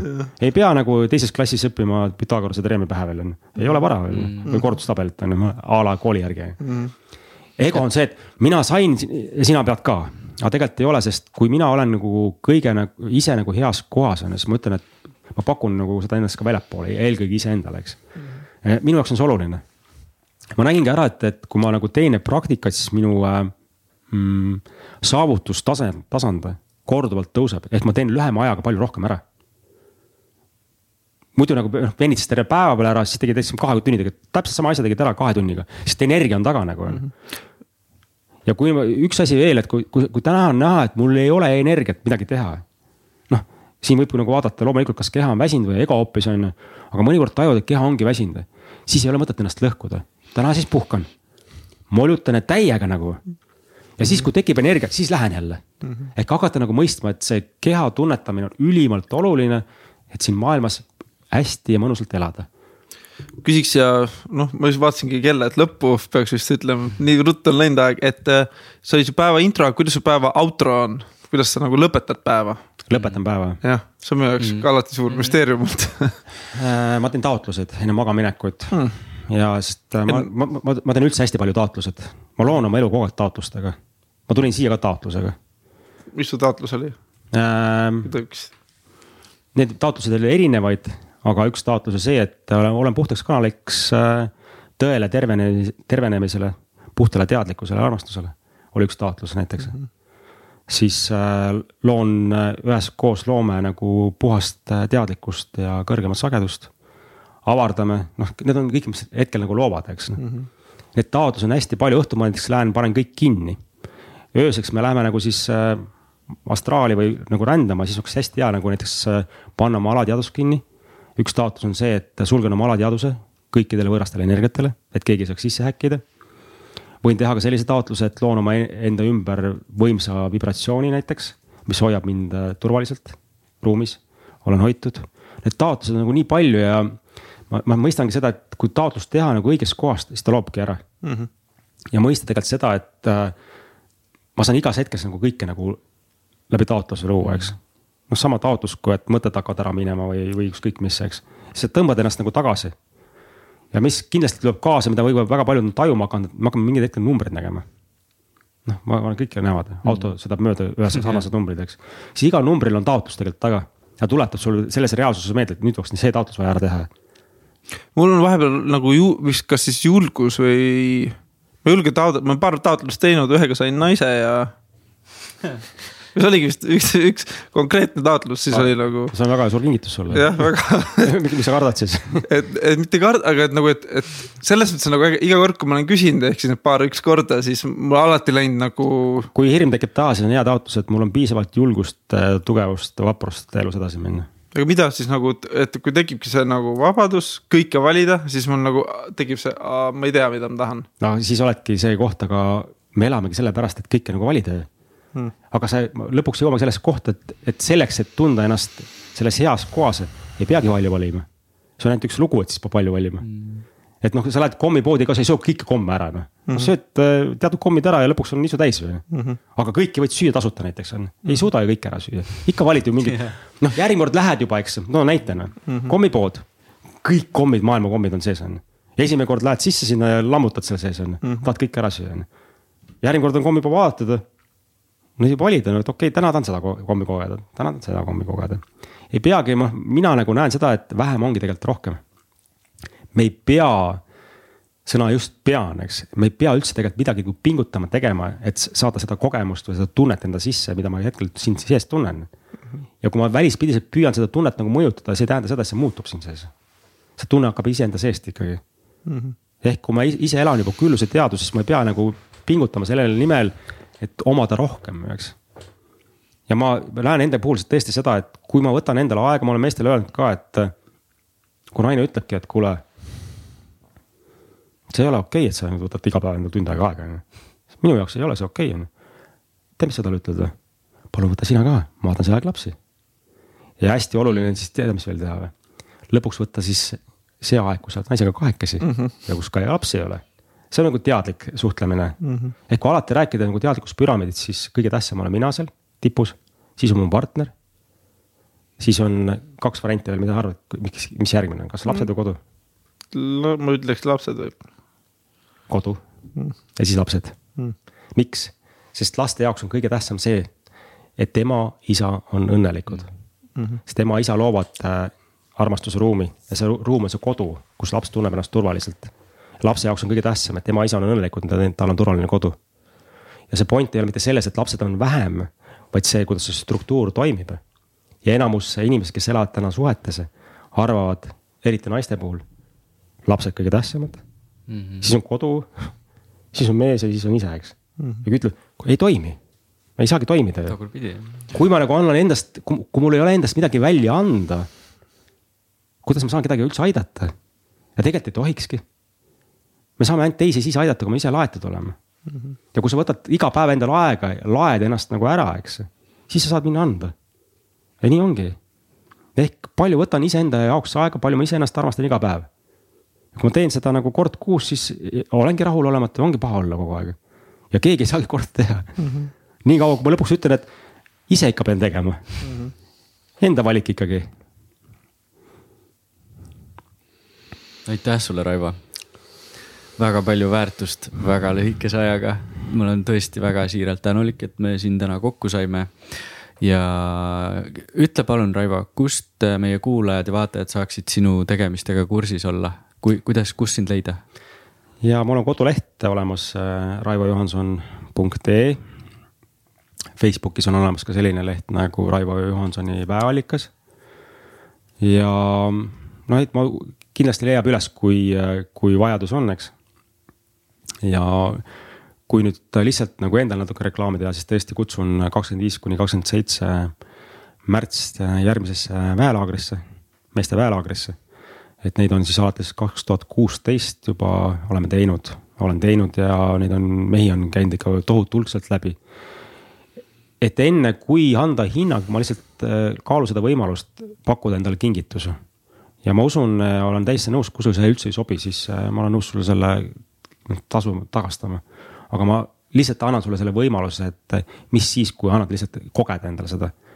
sest see, mida me ka meestega koos, ega mina ei tee seal midagi ju, ma loon lihtsalt ruumi ja me kõik koos teeme. mis me seal teeme, ongi see, et kuna mehed, meestega põhiteema tegelikult see, me seda muidugi räägime, paari sõnaga räägime. kuna me päriselt ei saa nagu rääkida oma sisemistest teemadest lõpuni väljendada. On mehi olnud väelaagrites käinud, kes on kuuekümnesed, isegi kuuekümne viiesed olnud, kes ütlevad, et esimest korda näiteks meeste ringis saavad lõpuni rääkida nii, et keegi ei sekku. ja nutavad isegi lõpuni lahti seda. sest alati on see, kuule ma, meeste jutud on ju hakkad juba rääkima, juba teine räägib, sekkub sinna vahele, pakub mingi lahendusi mm., see ei ole üldse tähtis. meie valukehad on niivõrd aktiivsed ja niivõrd täitunud et ainuke võimalus sellest vabaneda on see, et lahti rääkida. ja huvitav on see, kui me ringis istume ja märkame ringis olles, siis me oleme ülisarnased kõik mm.. ja see loob kergust, sellepärast ma saan aru, et ma ei olegi raskes kohas. mõni mees on võib-olla hoopis raskemas kohas ja mõnes mõttes tekitab kergust mm. ja teine asi see, et iga kord, kui keegi nagu jagab ringis, ma saan aru, et see, mida ta räägib, on üks osa minust. see tekitab hästi palju taipamisi juurde. samas me seal käime looduses teeme erinevaid praktikaid. Käime saunas, räägime meeste juttu, tantsime. süüa saab kindlasti. ülihead jah, et taimetoidud, et äh, nii mõnigi mees on tulnud, pole kunagi taimetoitu söönud, oma vorstilatakaga sinna kohale tulnud igaks juhuks on ju. ja nii, nii suured elamused saanud sealt, et noh, tagasi minnes nagu muutunud, eks. et noh, toidul ja toidul on vahe, eks mm. -hmm. ja ma täiega nagu soovitan lihtsalt seda kogemust võtta. et märgata enda sisse et äkki on midagi veel, kes ma nagu arvan, et ma olen. Ja ma usun, et kui sa selle koha endale kätte saad, siis sa mitte kunagi ei kuku enam, see Macaroni on sama asi tegelikult, et kui ma juba liigun ülespoole, siis see tasand, kuhu ma jõuan, see jääb. ma võin kuhu vahepeal küll alla kukkuda, on ju, aga ma saan aru, et seal ei ole midagi teha enam, see on igav. noh, igav on seal murutasandil istuda, on ju kui vaade läheb ikkagi kogu aeg nagu paremaks, nagu lähed kogu aeg ülespoole. no näed nagu päriselt ilusat vaadet. igav on seal, kui all istuda seal mingi jämmida kellegagi nagu, et noh, ikka tahad ülespoole nagu minna mm.. siis noh, see on see võib-olla uks, võimalus ja sa ei pea kartma, sellepärast et nii, nii paljud on tegelikult tulevadki esimest korda ja me oleme kõik väga sarnased seal. sa ei pea olema mingi ja see ei ole mingi uku-puku, vaid see on nagu päriselt mm. nagu vanasti mehed olidki. istusid koos ja rääkisid juttu ja tegid koos asju nagu. ja lõpuks, mida me näeme, on alati see, et, et egod, maskid, programmid kuidagi kukuvad ära ja me hakkame üksteist nägema nägema. vot see on võimas koht, sest isegi nagu tavaliselt lõpuks mehed ütlevad, ma saan esimest korda aru, mis on vennatunne elus sest need mehed jõuavad nagu sageli nii niisugusesse kohta, lihtsalt nagu kalistavad, ütlevad, ma, ma lõpuks näen, kes sa oled. me ei ole, me oleme harjunud elama sellises võitluses, ärapanemises, eks. aga tegelikult saame aru, et me oleme üks. ma panin selle särgi, särgi selga, et mm. Mm -hmm. Ah, nüüd sain aru lõpuks yeah.. et see, see, seesama, et mul, mul on särk seljas ehk me ehk we peegelduseks mm. -hmm. eks tegelikult hästi huvitav mm. -hmm. kui me läheb peegeldusse, siis ta ongi we mm. -hmm. me alati, me oleme tegelikult alati seotud mm, -hmm. lihtsalt see ego tasand nagu ei näe, et suures pildis me oleme alati ühenduses olnud. ja me lihtsalt tuletame seda nagu nendes laagrites ka meelde. super, aitäh sulle. aitäh teile, te olete nii ägedad mehed ja aitäh, et te seda teete. mul on täiega, tunnustan teid ja on ülimalt äh, hea meel, et avardate meeste teadlikkust ja näitate uut võimalikkust et see, mis te teete, see on imeline ja ma olen ülimalt, ülimalt tänulik kõigile teile. et te siin olete ja soovin äh, täiega seda inspiratsiooni edasi teha. sest ma enda puhul näen, et iga kord, kui mina ise midagi teen, siis ma samamoodi ise kasvan ju Mm -hmm. samamoodi kui teie teete, siis ja. teete samamoodi. sest minu jaoks on see üldse elus teine podcast, mille nii-öelda siis co-host ma olen. et äh, ja minu jaoks on see suur, väga, väga suur eneseületus ennast niimoodi väljendada kuigi mulle meeldib väga palju rääkida, aga just, et nagu noh, mikrite ja kaamerate ees ja ma olen tohutult tänulik, et te ilusti minuga selle, sellel teekonnal täna olite ja ja ma loodan, et, et vähemalt ühele inimesele pakub see nii palju väärtust, et ta saab siit mingisugust jõudu edasiliikumiseks ja, ja jah. mina täiega tunnustan ja tegelikult mina arvan, et sa oled teinud mitukümmend saadet. Ja mul jäi mulje, et see on nagu sinu põhitöö. Aa, mis te nüüd, mis te nüüd? võtan vastu, võtan vastu, aitäh, aitäh, aitäh, vot see on see ebapiisav raam, mis nüüd, tegelikult aitäh. tahaks tagasi ajada, aga võtad tegelikult vastu. aitäh, aitäh, aitäh. Ja kes tahavad meie, meie tegemistele kaasa aidata, siis täitsa, siis vabandust, patreon.com kaldkriips täitsa pekkis, seal saate natukene meile äh, money jätta, raha jätta. ja jah, mis siis veel ah,, ja täitsa pekkis äh, .ee kaldkriips seminar, minge kindlasti vaadake üle meie transformatsiooni neli punkt null. siis äh, asjad nüüd jooksis kokku tulge Aga, festivalile. ma, ma igaks, kui, kui keegi on juba nii kaua jaksanud seda saate, see lõpu see osa, et pole veel ära pannud. ma tavaliselt isegi ise kuulan, kui ma juba nii kaugele jõudnud, siis lõpp ka. aga suure tõenäosusega isegi kui sa kuulad seda saadet nüüd äh, peale märtsi kaks tuhat kakskümmend kaks, siis äh, te olete pannudki ju neid vanu seminare on võimalik siis kuidagi osta ja vaadata, et, äh, et kellel pakub nagu huvi kuigi ma ise jah, planeerin ka laiviks, äh, laivis olla platsis, et siis, siis on päriselt ka see kaasamõtlemine ja tegemine, et muidu. ja, ja see no. toimub online'is, siis tuletan veel meelde, et, et seda on hästi lihtne jälgida ja viiendal märtsil on siis äh, meie festivali põhipäev. Äh, ma ei ole nüüd kindel, kas vipp pileteid selleks ajaks on veel alles, kui meie, kui meie see saade eetrisse läheb, aga kui veel on, siis minge kindlasti vaadake ka see üle, et neljandal märtsil siis ka erinevate vippõhtu esinejad meil on äh, seal olemas, kaasa arvatud mina ja Katrin, kes me räägime enda suhtest, nii et ma arvan, et see tuleb üks põnev. siia lõppu ja siia lõppu, Raivo, mis on kõige suurem saladus heal seksil? kohalollu. super, aitäh. aitäh kuulajad, aitäh vaatajad, aitäh Joonas. aitäh Egert, aitäh Raivo, et tulid, nii tore. aitäh ja mõnusat teekonda kõikidele meestele ja sõnumi lõpuasi on see, et me oleme kõik alati õiges kohas